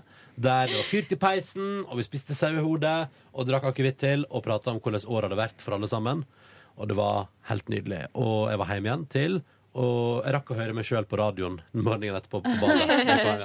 Hvordan var det? Eh, rart. Og det har jeg rukket ved flere anledninger. Nyttårsaften òg. Var hjemme igjen akkurat tidsnok til å Oi, høre meg selv på radioen. oi. Det er veldig rare greier, altså. Eh, ellers har jula gått sin stødige gang. Spist masse god mat og veldig masse usunt og drukket en del øl. Og bare nytt livet. Kom tilbake til Oslo og hatt ei fin romjul og feira nyttår blant annet med Silje Nordnes. Yes. Og da kan jeg fortelle at det var også altså, tapasorientert nyttårsaften. Og folk hadde gått mann av huset for å lage god mat. Så dette var helt suverent. Det var for et festmåltid det var. Det var sinnssykt mye god mat, ja. Silje Nordnes fikk altså så masse skryt for foccacciaen sin. Oh, Ja. Og det er de... det er vanskelig å bake det. Hadde du aioli til? Nei, det hadde noen andre lagd. Mm. Det er godt. Men, og min eh, gode venn Kristoffer hadde lagd altså, verdens mest spicy og helt konge hjortegryte. Ingen hadde stilt med hjortekjøtt. da fra, Altså Sjølskutt hjortekjøtt fra Sverige. Det var helt suverent. Jeg og min kjæreste, Tuva, vi bidro med eh, minihamburgere. Oi! Jeg syns det fungerte bra. Hva syns du, Silje? Ja, Var det godt? du, jeg sp- jeg smakte ikke kun på grunn av kjøtt... eh, Kjøttproblemet ditt? Situasjonen. Ja.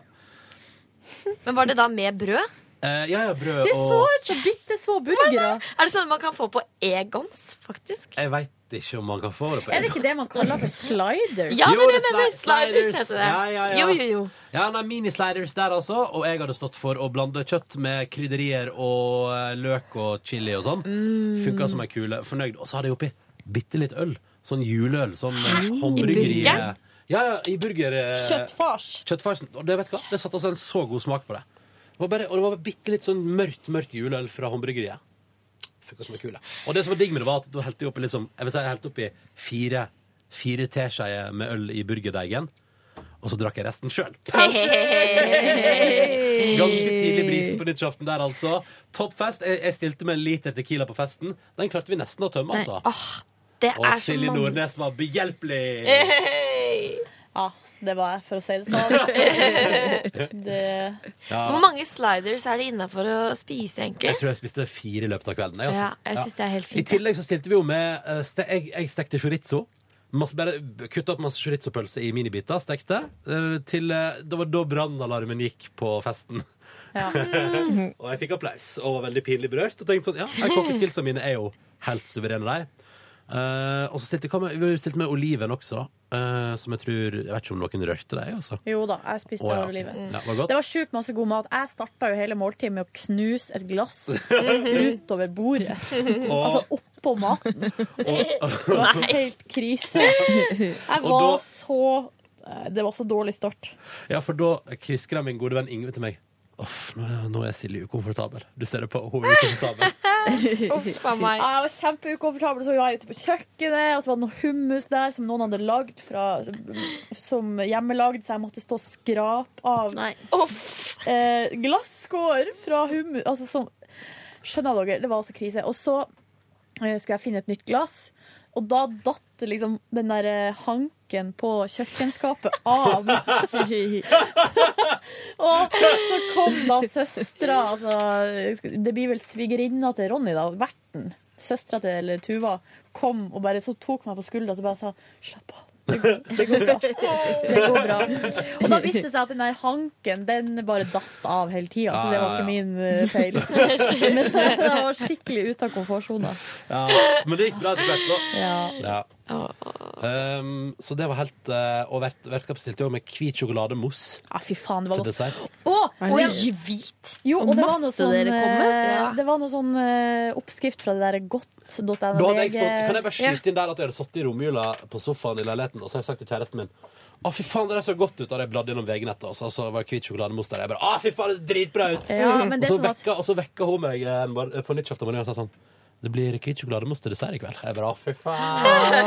Men det, spesielle, ja, men det spesielle med sjokolademosen var at uh, de hadde også lagd noe sånn krisp som skulle være oppå. Og hør på det her. Eh, og det var altså sjokolade som de hadde da smelta, og så hadde de putta sånn derre uh, sånn derre poppers. Eller, De der som altså, knuser ikke dope poppers. Men når du vet sånn godteri som smeller på Ja. tunga. Sånn, herregud. sånn der fancy sånn, eh, sånn, eh, sånn godteri hadde de hatt oppi sjokoladen. Og så eh, satt det Yes. kaldt, og da stivna det jo. Sånn at det var på en måte sjokolade. Jeg lurer på om det var noen nøtter også oppi. Det var noe cornflakes, tror jeg. Cornflakes var det, ja. Mm. Så det var sånn kjempecrispy. Og så når du tygde, så bare ble det sånn herre Å, jeg sulter! Det var så artig! Ja, og kjempegøy. Fy flate. Ja, det var artig. Så ble det noe fyrverkeri og god feiring der. Jeg vet hva, jeg må si det. Fyrverkeri er det, altså, det er jeg altså så glad i. Blir du rørt? Ja, det er veldig kult. Jeg blir, jeg blir helt som eh, Jeg blir som en Jeg ser for meg som en unge eller som en hund. En hund Hunder liker jo ikke fyrverkeri, fordi at det er så høy lyd. Men at jeg blir helt sånn derre Jeg bare står og gaper Mm. og ser opp. Ja, Blir samme her. så glad av fyrverkeri. Ja, det er veldig fint. Det er veldig fint. Men Silje, mens vi er inne på vår felles nyttårsfeiring, kan ikke du dra gjennom din jul? Ja! Hvordan var jula i år? Å, det var veldig koselig. Jeg var hjemme på Hamarøy i ti dager. De første dagene var, gikk bare med til å øh, lande. Til å komme seg, liksom. Når var det du dro ned? Rett etter Jeg dro på fredag. Og da øh, kjørte vi Ble jeg henta på flyplassen i Bodø. Kjørte vi med full bil. Hvem, hvem, hvem? hvem? Herregud, Det var koselig. han Odd Karsten, Tarjei, oh. eh, og så en kompis av dem som heter Kristoffer. Og så var det ei venninne av meg som heter Synnøve. Men var det Odd Karsten som kom og henta da fra Hamarøya? Tar, nei, de to, Tarjei og Odd Karsten, kjørte. Ah, så koselig. Mm. Kom de og henta deg, da? Ja. Og så skulle de på polet, og det var noe, oh, ja, Oh, ja. det var noe julegavehandel og sånn òg. Oh, ja, okay. Kjør tre timer for å være på polet, det må man jo selvfølgelig gjøre. Og da er det vel ikke så rent lite som er med tilbake igjen, tenker jeg. Nei, det var ganske mye. Og jeg Ja. hadde lagt inn en bestilling der, og eh, pappa hadde selvfølgelig lagt inn Alle hadde lagt inn bestilling på polet. Noen tusenlapper på polet bodde der, altså, for familien Nordnes. Ja, og det var altså, stappfull bil og helt kriseføre. Oi. Altså, sånn, altså rundt null grader, men at bakken er frossen. Ah. Og så regna det, sånn at det var veldig glatt. Og da når vi kom opp på fjellet, var det eh, veldig mye snø. Det var ikke brøyta. Og så kjører jo de helvetes eh, vogntogene fra utlandet uten vinterdekk. Altså, ja. De er så skumle. Så det var litt skummelt og litt ekkelt, men eh, broren han Tarjei var en meget stødig sjåfør. Godt, godt, godt. Og vi skravla hele veien, og det var skikkelig koselig. Koselig. Ja, Spiste klementin og Ah. Driving home for Christmas. Eh, som fader, så vanskelig det å trekke frem høydepunkt. Men ehm, jeg var jo eh, altså på ute på andre juledag. Var dritings. det var artig. Eh, og var på nachspiel, og det var kjempeartig. Men Vi rota du med noen? Nei. Men på et tidspunkt så var det Men det her eh, har skjedd flere ganger i jula, men på et tidspunkt så sitter folk og tar meg på brødene. og så syns jeg det er helt greit. Bare gjør det. Det er helt OK for meg. Det skjedde på nyttårsaften òg. Jeg vet ikke om du fikk med deg det. Hvem som tok det på brødene? Eh, din eh, trolov, altså Nei, din kjæreste. Nei, har vært og tafsa på brødene? Jepp. Og søstera hennes òg. Hvorfor? Nei, eh, da var det spørsmål om jeg hadde på meg bh. Ja. Og om eh, Nei, det, altså, ja, det hadde jeg. Og da var spørsmålet kan jeg få ta Ja, ja. ja, ja. Så det blir litt det Nei, jeg syns det er helt eh, hyggelig. Jeg synes det er utrolig hyggelig. jeg. Og Det er det som var komisk på andre juledag, var jo at ei eh, venninne altså, Kjæresten hennes, typen hennes, hadde kjørt henne på denne festen. Og han var, hadde også betalt 250 kroner for å komme seg inn, Ja, ja. men var altså da ædru. Stakkars. Så han står altså da bare sånn Han står bare ved sida av og bare ser på. Galskap. Galskap. Eh, og det er et eller annet med at når klokka er kvart på tre, så, så er det eh, Så har man litt lavere eh, Altså terskel, da. For hva man syns er greit og ikke. Mm. Så vi syns at det der var helt greit. Å tafse på brødene til hverandre. Nei, Ja. jeg tafsa ikke, jeg bare ble tafsa på. Ja. Men eh, jeg blir litt flau over å tenke over at han var helt ædru. Ja. Men, men, det var sikkert greit. det. Tok han på deg? Eh, nei. Nei. Nei, nei, nei, der går grensen. Edru fyr utnytter seg av at folk er fulle. Ikke Så bra. det var høydepunkt. Og så faktisk dagen etterpå var jo et slags lavmål pluss pluss høydepunkt. Fordi jeg var jo så fyllesyk at jeg trodde jeg skulle dø. Spydd gjorde jeg. Eh, Det var helt krise, liksom. Ja. Men så klarte jeg å, å kreke meg opp i stua i firedraget. Og da var det noen venninner av brødrene mine, eh, pluss jeg og mamma var der, og Tussi var der, og da så vi på de to siste Harry Potter-filmene. Ja, og, det er så koselig. og spesielt Tussi satte jo enormt pris på å få se de to siste nå. Jeg var på tide, det, altså. Ja, hun hun- har ikke sett det. Ja. Nei, hun, har vært, hun har, eh, var veldig opptatt av For vi så først den part one. Ja. Og da sa Tussi bare Nå må vi se part two med en gang. Jeg er så spent, jeg klarer ikke mer. Nei, det var mamma som sa det. Oh, ja, okay, ja. Så koselig. Men det var så koselig, og så kom det liksom bare mer og mer folk, og det var, stua var full. Og vi så på film, og det var skikkelig koselig. Deilig, da. Så kan jeg ta den her helga nå, siste helga. Så jeg har sett altså, så mye drit på TV. Jeg har sett på Emil Det så jeg første nyttårsdag. Så Ja. dere den? Emil-filmen? Nei. Nei. Uh, og i går så så jeg på Madikken. For de sender bare Astrid Lindgren på TV2 nå til- på dagtid. Men er det TV2 Sebra, eller er det TV2 daglig TV2 vanlig! Yes! De sender- Det syns jeg er rart. Pippi òg? Uh, ja, men det har ikke jeg sett. Ikke nå, men Nei. det kommer sikkert neste helg. Ja. Helt konge. Og så så jeg også i går, uh, som ikke var så konge, men jeg så det likevel. Eh, Småspioner 4. Ja. Eller Spy Kids. Godt å høre at vi har kommet til nummer fire der, altså. Ja, vet du hva? Det var skikkelig dårlige Ah, greier. what a surprise. Jessica Alba var med. Hæ? Nei, Spiller ei stemor. Slem stemor? Nei, hun var snill, men eh, ungene hater henne. da. Oh, yes. Men spoiler!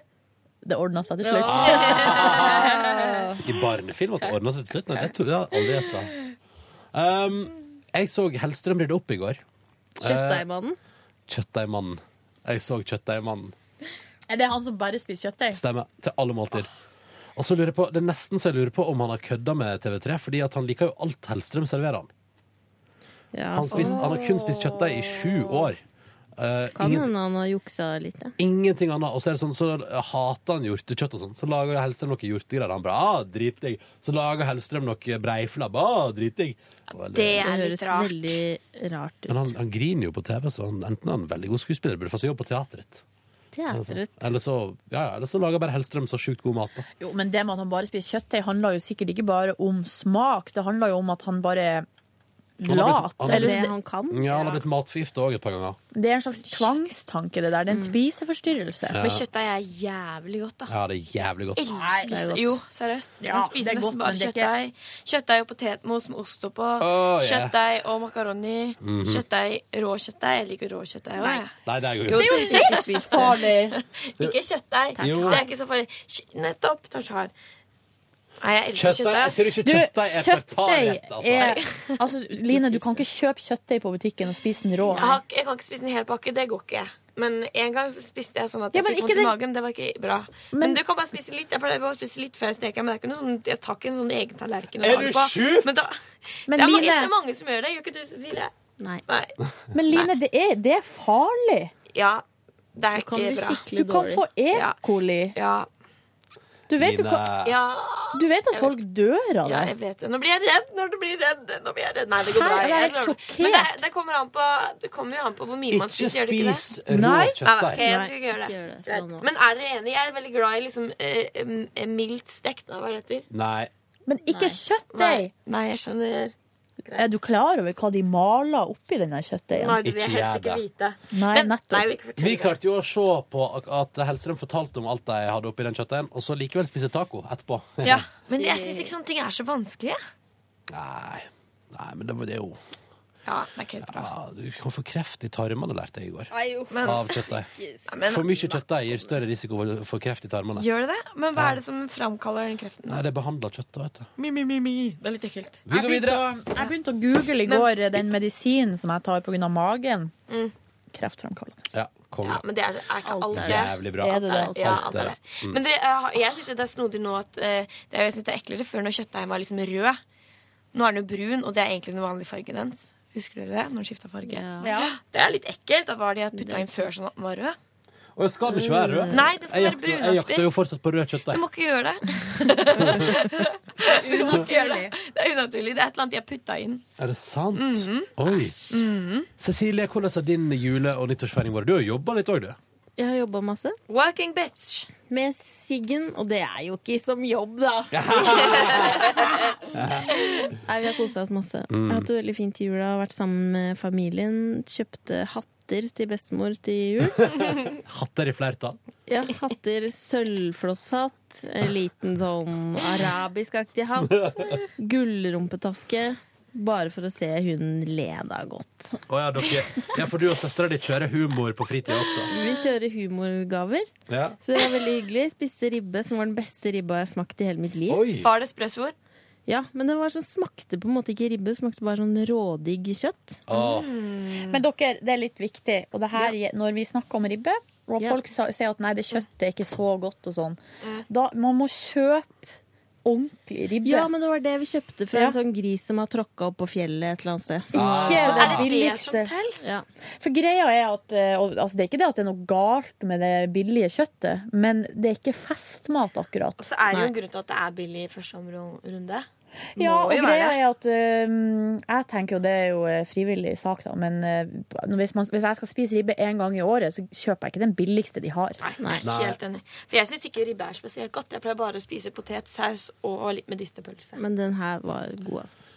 Mitt, høyde, mitt høydepunkt slags, Kan jeg bare eh, skyte inn mitt ja. høydepunkt julematmessig? Mm. Eh, familien har fortsatt tradisjon om at hvert år før jul så blir det laga egne hjemmelaga sånn, sånn grove julepølser. Mm. Oi, Så det hjelper. hjemmelaga. Det høres godt ut. Hva slags kjøtt? Er det sau eller er det gris? Du, jeg har valgt å ikke vite noe som helst om det kjøttet. Nei. Nei. Mm, det er ikke Jeg bare greit, nyter jeg bare nyter de pølsene, jeg. Ja. Jeg liker Smart. best tredje juledag, for da har vi restemiddag. Og da får vi alt alt vi har spist i tre dager. Det er to, altså, da får vi ribbe og sånn fra, eh, Godt bord. fra julaften, og så er det laks fra første juledag, og så er det lammelår og fløtegratinert potet fra andre juledag. Men det er ganske mange Blanding. som vanlig å lage sånn julematpizza. Det styrer jeg. Oi, jøss. Det har aldri hørt mer i resten av jula så var jeg på en slags familieturné. Oi, hva var det jeg sier? Det er at vi dro overalt i juleselskapet. Oh, ja. Mye juleselskap. Og så jobba jeg med Siggen, så var det nyttårsaften. Vi var fire stykker som forbanna 2013 og ønska 2014 velkommen. Hvordan kan du forbanne et så fint år? Det var jo fint. Nei, ikke forbann, hvis jeg på en måte ha det 2013, Ja. snakkes aldri, og så velkommen 2014. Og vi Mm. spiste taco. Eh, sånn luksustaco, fordi hun jeg bor sammen med, lagde alt fra scratch. Så det var veldig digg. Lagde salsa fra scratch. Oi, det er så imponerende. Og så kan jeg bare si, dette var ikke et høydepunkt, men eh, før helga så fortalte du, Ronny, om den armen din. Ja. Vet du hva som skjedde? Hva? Jeg hadde vondt i armen.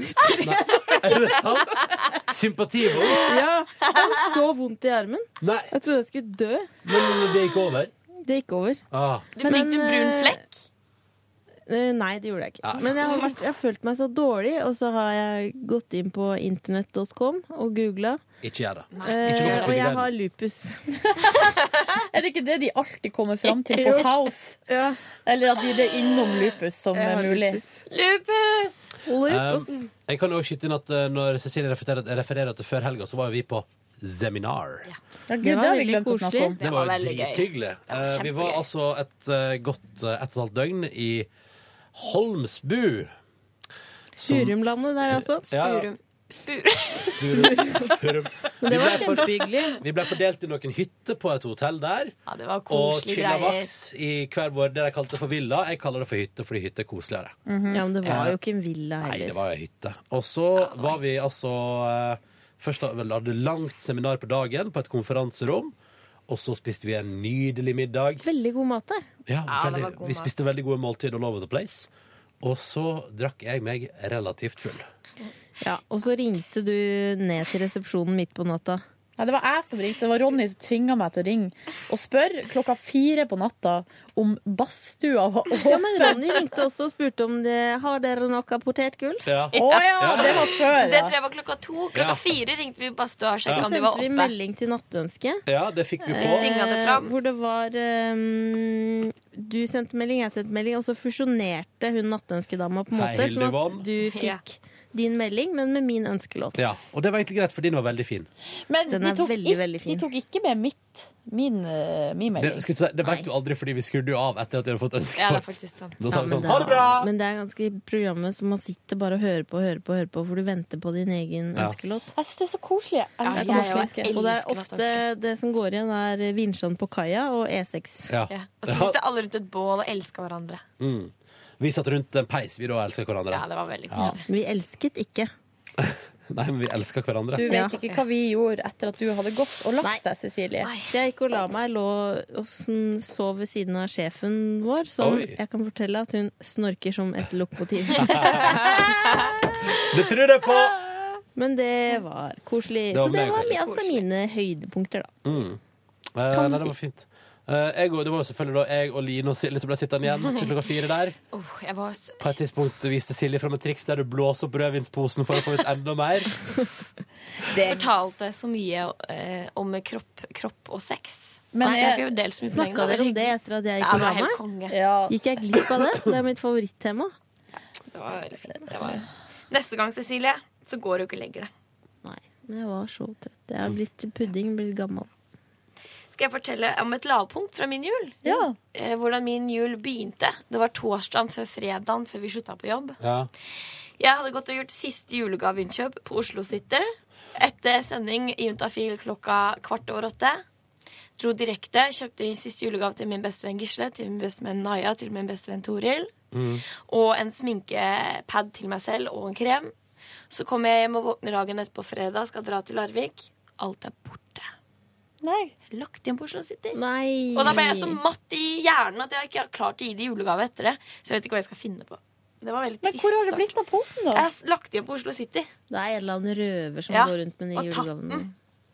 Så det, det var veldig skuffende.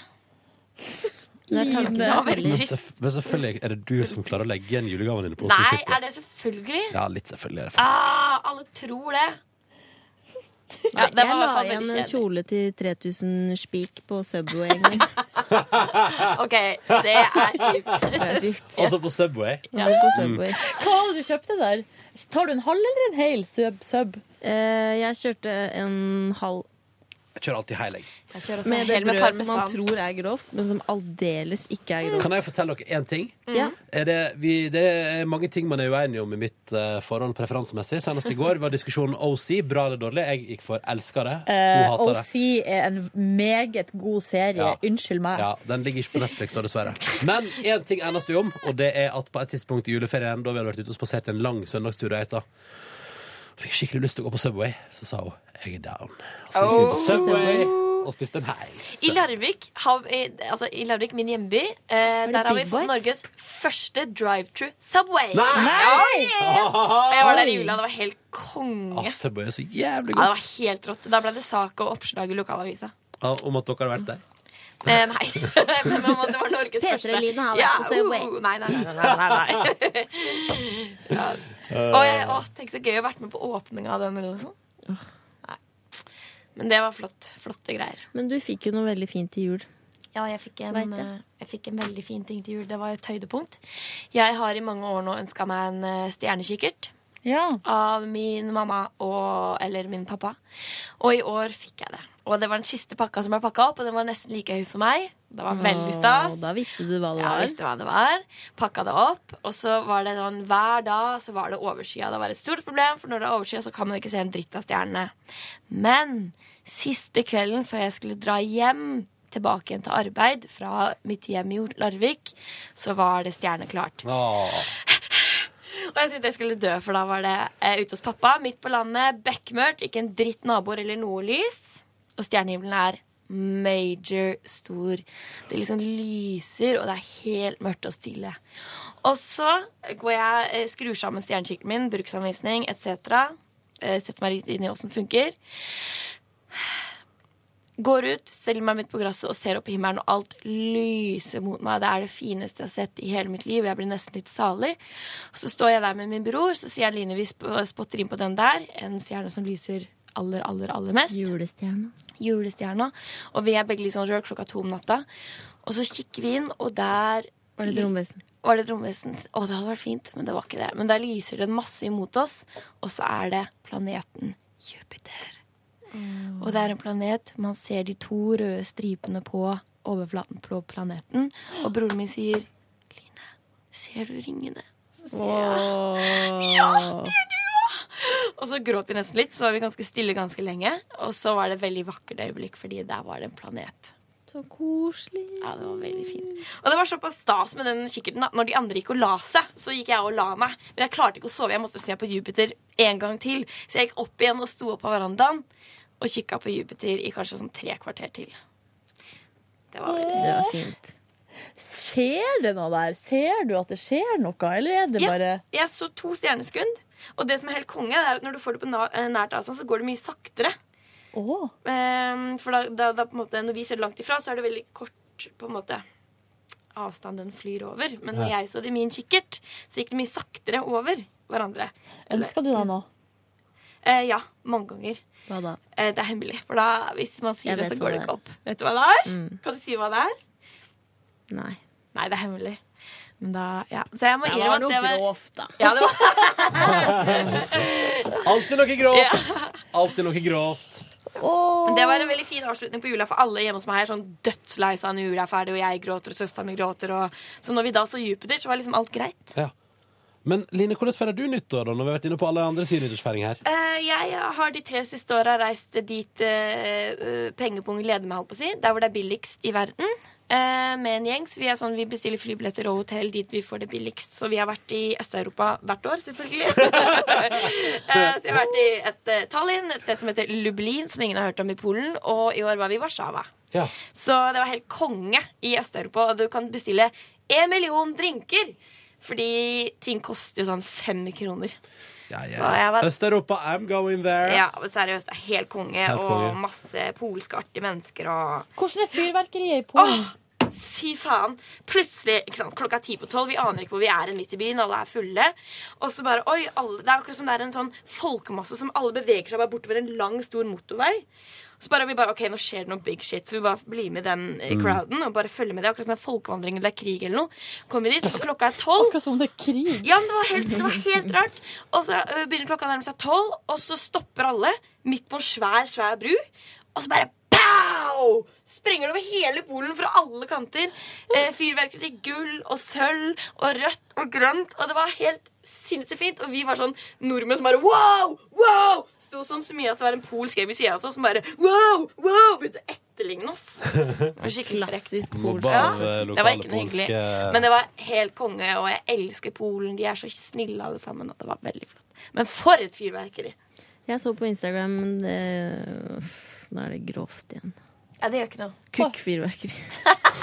At det har forma som en kuk? Ja, for det, det leste jeg i VG. Med sånn balls. Som er balls først, og så bare Weed Weirdo! Det syns jeg var gøy.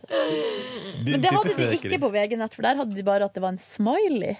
Ja, nei, det var Du må vite hvor du skal hva du skal søke på. oh, skal vi si at det var dagens podkast bonusspor? Ja, vi gjør det. Ja, vi er det. Vi er tilbake igjen i morgen med nytt bonusspor, så bare last ned det også. Tomorrow! Tomorrow! Ha det bra! Hør flere podkaster på nrk.no podkast.